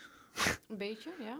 Ja, wat, wat ik vooral eh, leuk vind om te horen is wa- wat je dan zegt. Hè, een, een deeltje wat aan de ene kant van de aarde is, kan dan resoneren met een deeltje wat aan de andere kant van die aarde zit. Nee, die zijn verbonden met elkaar. Ja, en- Door tijd en ruimte heen. Ja, en ehm, ik denk dat wij dat asiel ook kunnen. Ja. Want, want ik weet het zeker dat wij dat asiel kunnen. Want eh, al- als jij aan het andere eind van de aarde zit en, en ehm, je, je kunt gewoon gedachten en dingen uitwisselen.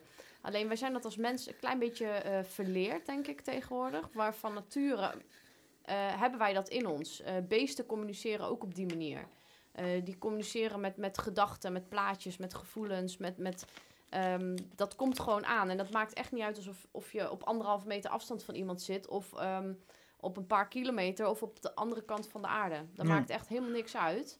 Ja, want die, die, Ehm, die quantum entanglement zegt dus eigenlijk van schijnbaar zijn er op de meest fundamentele eh, eh, eh, stukken van, van, van ons zijn, zijn er allerlei deeltjes die door tijd en ruimte met elkaar gekoppeld zijn. Ja, en, en zo kun je dus ook ehm, een, een ziel die in een ehm, ergens anders zich bevindt.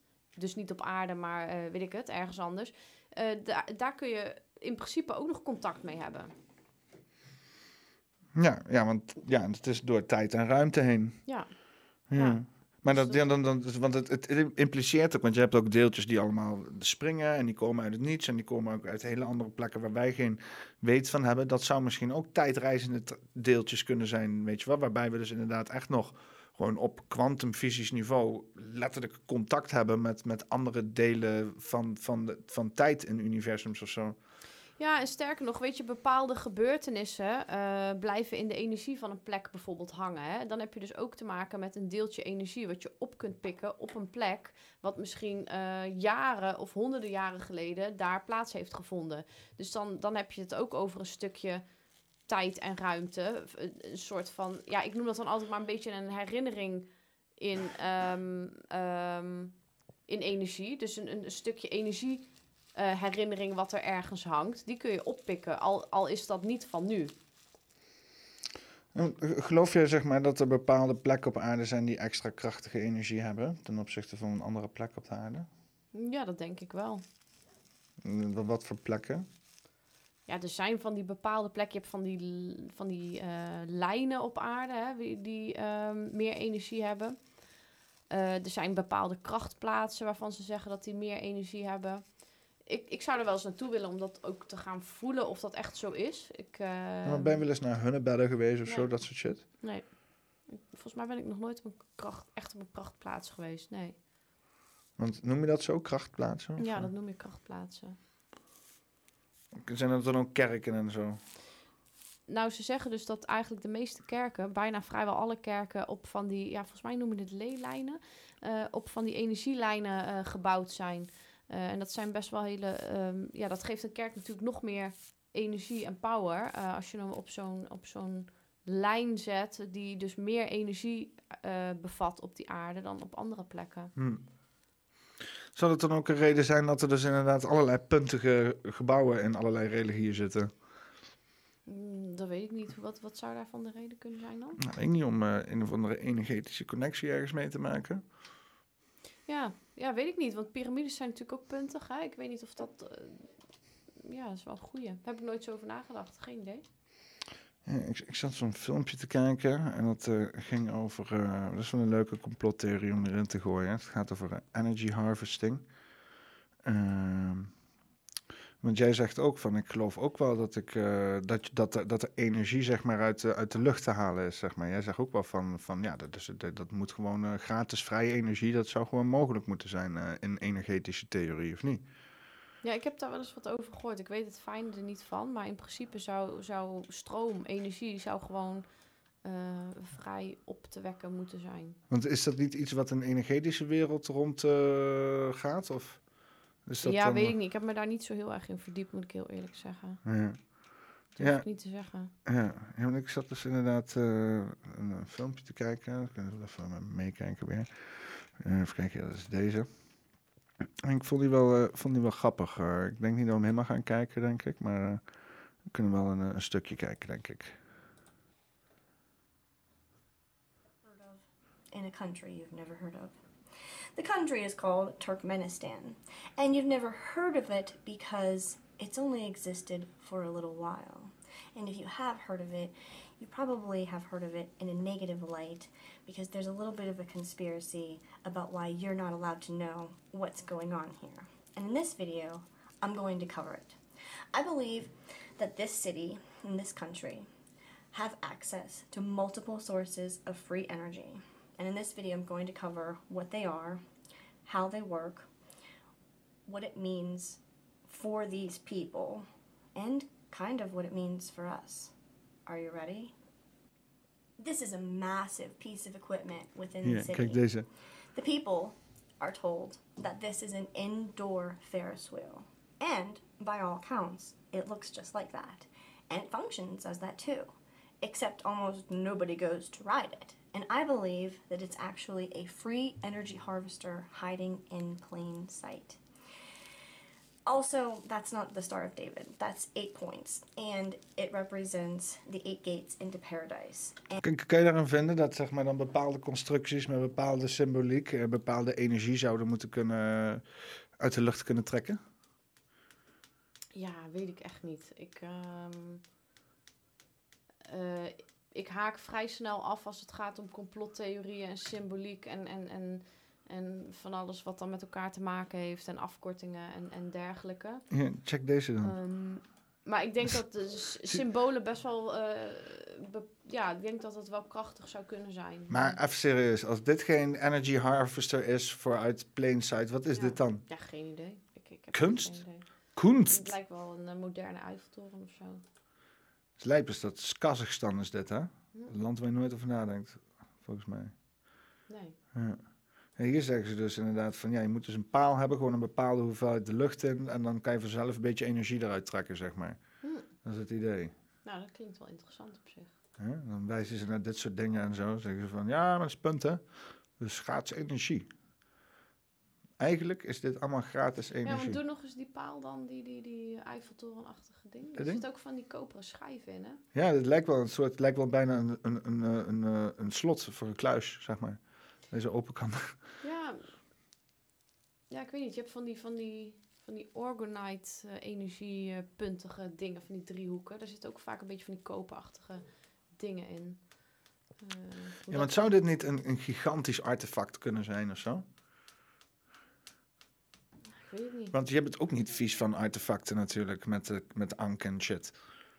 Eh, nee, ik, eh, ik werk inderdaad met, met de ank. Dat is een, eh, van het oude Egypte een, een, een instrument waar je mee werkt. De, Dan zou ja, een ben ik er niet vies van. Weet je, maar, ik- maar zou een ank meer effect hebben als hij moeilijk groot zou zijn? Echt gewoon een ank zo groot als de Eiffeltoren.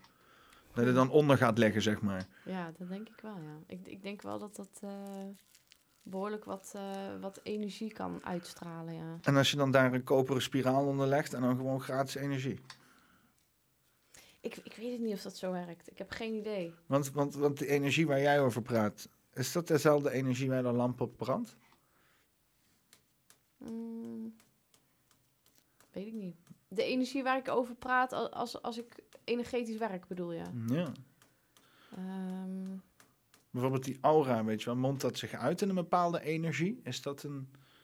ja, je ziet dat als het ware als een, als een, ja, als een soort van lichtveld om iemand heen. En soms zie je daar ook kleuren in. Je kunt daar kleuren in zien als je je erop concentreert en als je, daar, eh, als je dat kan. Als je er zin in hebt? Ja, als je er zin in hebt, als je dat kan. Dan, niet iedereen kan dat zien, maar er zijn wel mensen die dat kunnen zien. Het is een, soort van lichtveld, een soort van uitstraling wat je om, om je lichaam heen hebt. En een lamp is natuurlijk gewoon iets. ja, ik, ik weet niet of dat te vergelijken is eh, met, met een energieveld wat om een levend wezen heen zit of een lamp wat op elektriciteit werkt. Ehm, Ja, wat is misschien een stap, oh, een stap kleiner, dat je dus echt inderdaad in het kwantumfysica-rijk zit. Hè? Maar ja, wat zie je dan? Een soort van quasar of zo? Of, een, eh, een, eh, of, of, zullen de ogen gewoon nog extra shit kunnen detecteren? Ja. Op een bepaald niveau dan alleen maar de normale lichtspectrum. Ja, Want je hebt dus ogen, eh, vogels bijvoorbeeld die ook elektromagnetische straling kunnen zien Ja. en shit. Ja, dat die, kunnen de. Noord- en de, oh, die kunnen Noord- en Zuidpool gewoon zien. Kunnen ze zien. Ja, dat is de geloof ik wel, ja. Ja. Zitten zo twee van die meeuwen zitten daar zo. Ah! Zie je dat ook? Ja, Noordpool. Ja. Ja, ja, dat geloof ik wel. Hoe denk je dat het eruit zou zien? Als wij zeg maar zo'n vliesje achter ons eh, oog hadden. Ehm, Zou je dan echt superveel aura's zien? nou, als je het dan over die, die, die tussendimensie hebt, hè, ehm, wat jij net zei. Dus je hebt dan eh, als het ware de, de fysieke wereld en je hebt de, de wereld die, ehm, ja, noem het maar het universum of de kosmos of wat dan ook. Dan zit daar dus een wereld tussenin. Ehm, en dat, dat noem ik een beetje die, die tussenwereld waar, waar sommige mensen ook in kunnen kijken. En ik denk dieren ook. En dat is de, die tussenlaag waarin je dus aura's kunt zien of andere dingen kunt waarnemen. Ehm, die er niet fysiek zijn eigenlijk. Dus fysiek als je het echt zo bekijkt of, of een foto van zou maken of wat dan ook. Maar die je dus in zo'n tussenlaag wel kunt zien. En zo heb ik wel eens letterlijk eh, ehm, letters, cijfers en codes eh, gezien in die, in die tussenwereld die dan weer spiegeld worden op een object of op een persoon. En ik denk dat een aura ook zo werkt. Dat is ook een iets wat je in die tussenlaag ziet eigenlijk. Hier... eh, Oh god, oh, dit, wordt, dit wordt denk ik niet... eh, human electromagnetic field Oh jee. and how it affects Ja, kan je ook niet dit soort filmpjes gaan maken? Hoezo? Vind je dat een leuke vrouw? Everybody has an Ziet het electromagnetic Ik vind dit specifiek niet per se een leuke vrouw. Ik vind het een leuk filmpje. Weet ik nu niet. electromagnetic field. Ik vind het er nou wel een beetje veel, zeg maar. Ja. Oh, zullen we eens even de gast ook The includeren? Organization say that electric fields are created by differences in voltage. The higher the voltage, the stronger will be the resultant field. And magnetic fields are created when electric current flows. The greater the current, the stronger the magnetic field. So whenever there's electrical current, there's an electromagnetic field. And our body is full of electrical current. This is from sciencemuseum.org.uk. Ik heb altijd wel een hekel aan als mensen er allerlei wetenschappelijke artikelen bij eh, gaan halen. eh, weet je wel, zo van, kijk, dat staat daar. Dus daarom is mijn interpretatie zo goed. A nerve impulse is a wave of electrical activity that passes from one end of a neuron to the other. Nerve impulses are a way of coding information in a similar way to FM radio, allowing information to be transmitted both quickly and accurately. So, not only are we full of electrical pulses, these electrical pulses send messages. There's information flowing up and down our nerves and to our neurons all the time. So, we're a hotbed of electrical activity. And this means that we is lekker ding toch, of niet? Ja, Zie ja wat ze ze dan brengt het wel leuk. Zo, up and down on neurons. We generate an electromagnetic Dat zijn wel... eh, heerlijk, heerlijk punt om stop te zetten. Ja, ja, Voor de mensen die luisteren, ga kijken. Eh, eh, ik wil wel hier even een key grading doen, weet je wel. Want ze heeft dus duidelijk gekeyed en ze zit voor een greenscreen. En je ziet rechtsbovenin nog een beetje groen. Zie je dat? Nog een beetje reflectie op haar, een beetje groen.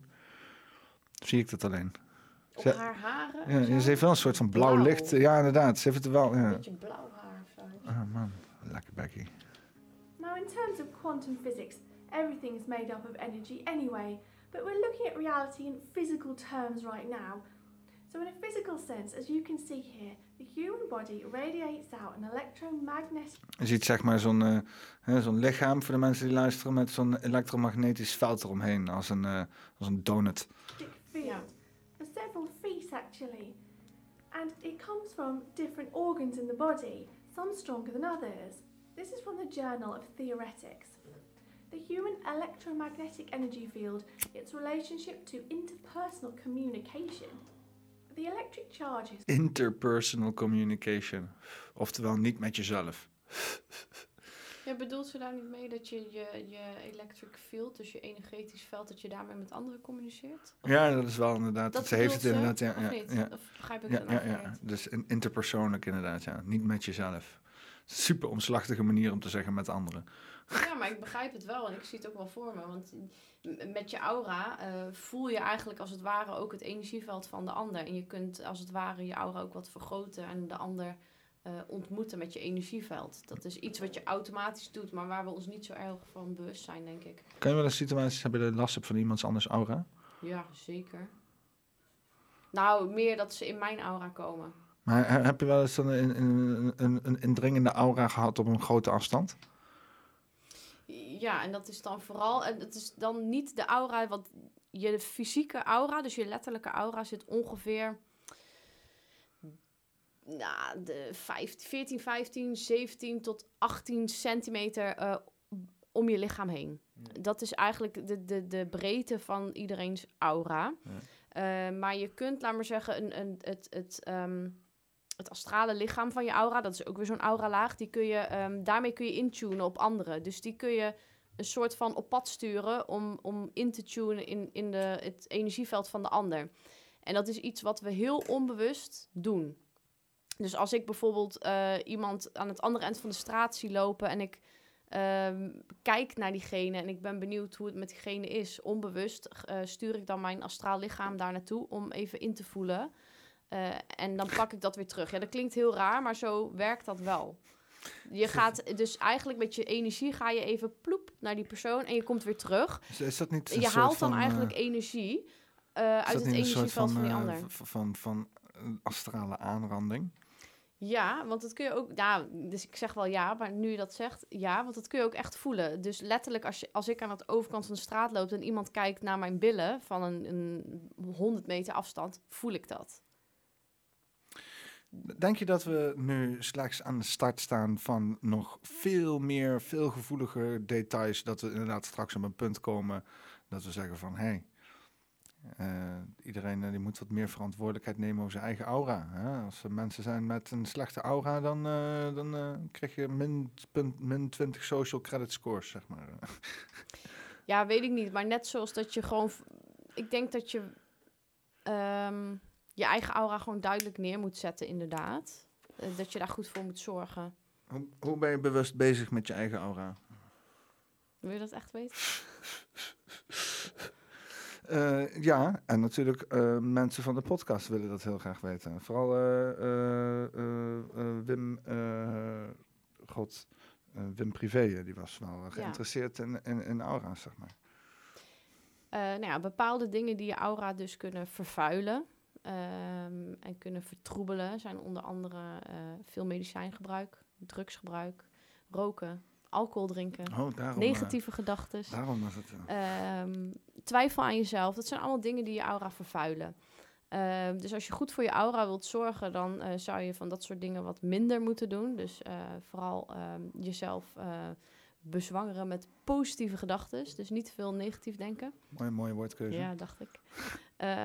Ja, niet te veel eh, eh, drugs, ehm, medicatie, dergelijke, alcohol tot je nemen.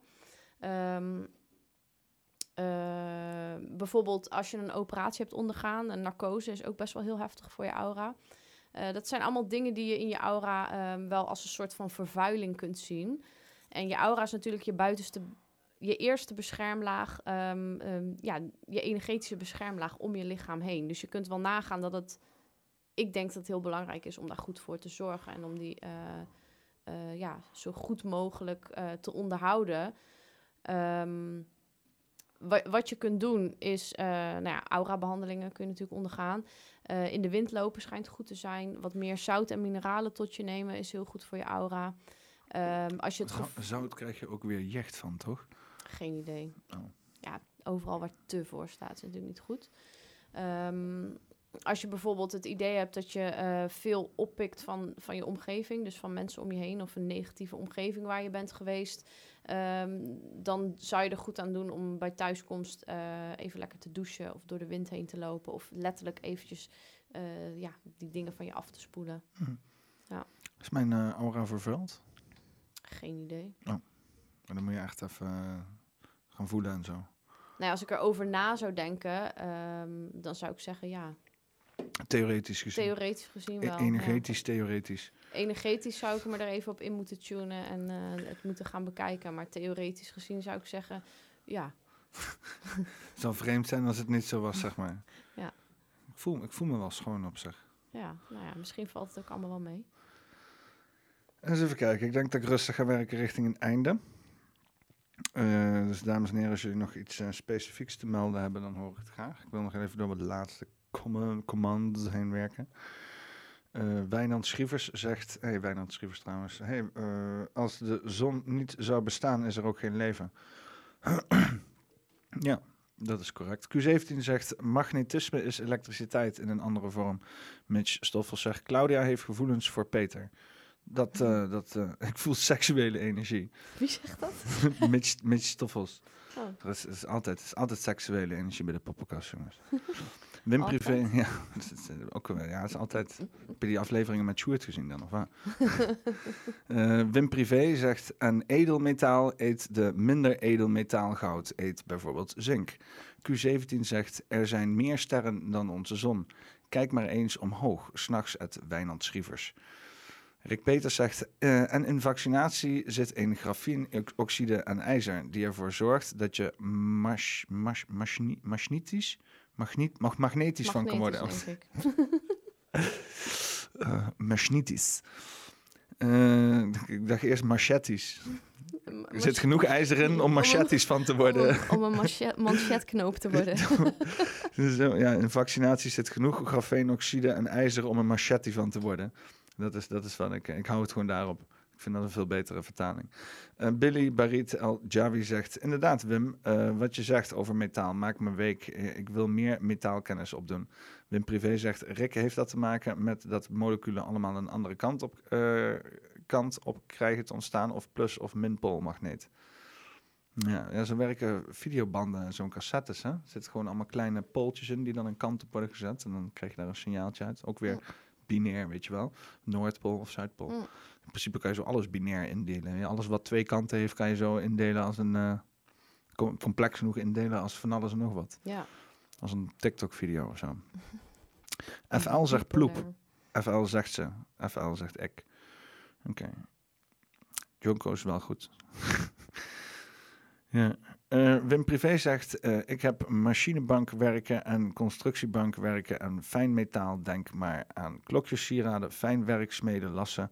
Met wat eh, er maar bestaan. Pff, zal er nog wat vergeten zijn? Wim Privé zegt, mechaniek, autotechniek. Billy Beriet zegt, interessant. Wijnand Schrievers zegt, Q17, ik geloof dat sterren je meer vertellen dan dat je zelf weet. Over magneet gesproken. Wim Privé zegt, was lekker veelzijdig. Toen kon ik ook geen keuze maken, maar ben leergierig. En we wil nog even de laatste eh, behandelen. En dat is eh, van, eh, even kijken, van Mitch Stoffels. En met deze comment sluit ik deze af. En dan zegt Claudia moet Peter even gaan voelen. Eh, wat bedoelt Mitch daarmee? Eh, Waar wil je dat ik Peter even ga voelen? Oh, je wil nog even wat dieper hierop ingaan. Nou, Mitch, als je nog snel bent, kan je nog even misschien antwoord op de vraag. Kunnen we antwoord, vragen, antwoord krijgen op de vraag waar, waar Claudio mij dan precies moet gaan voelen. Ja. Zo'n keert in mijn aura voelen of niet? Ik wil, eens even, wil je mij niet eens even flinke goed hart eens even eh, in mijn aura voelen?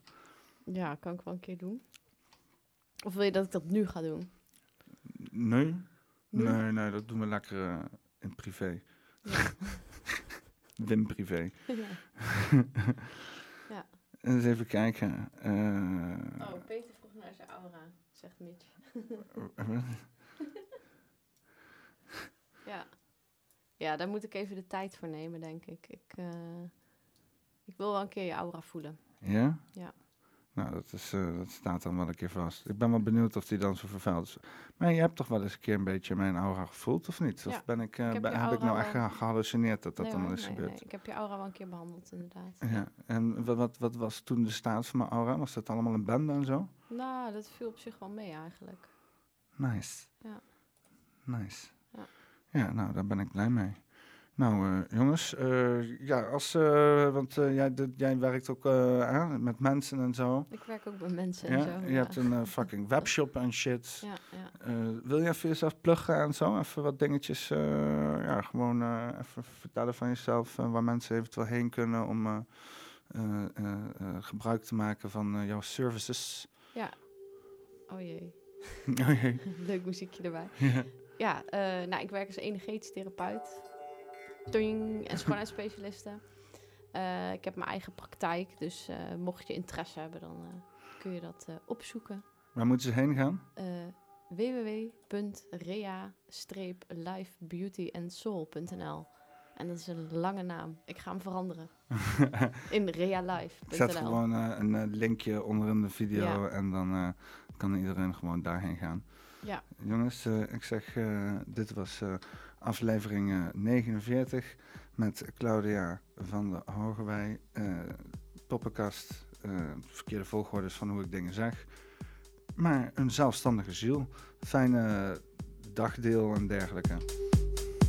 Doei.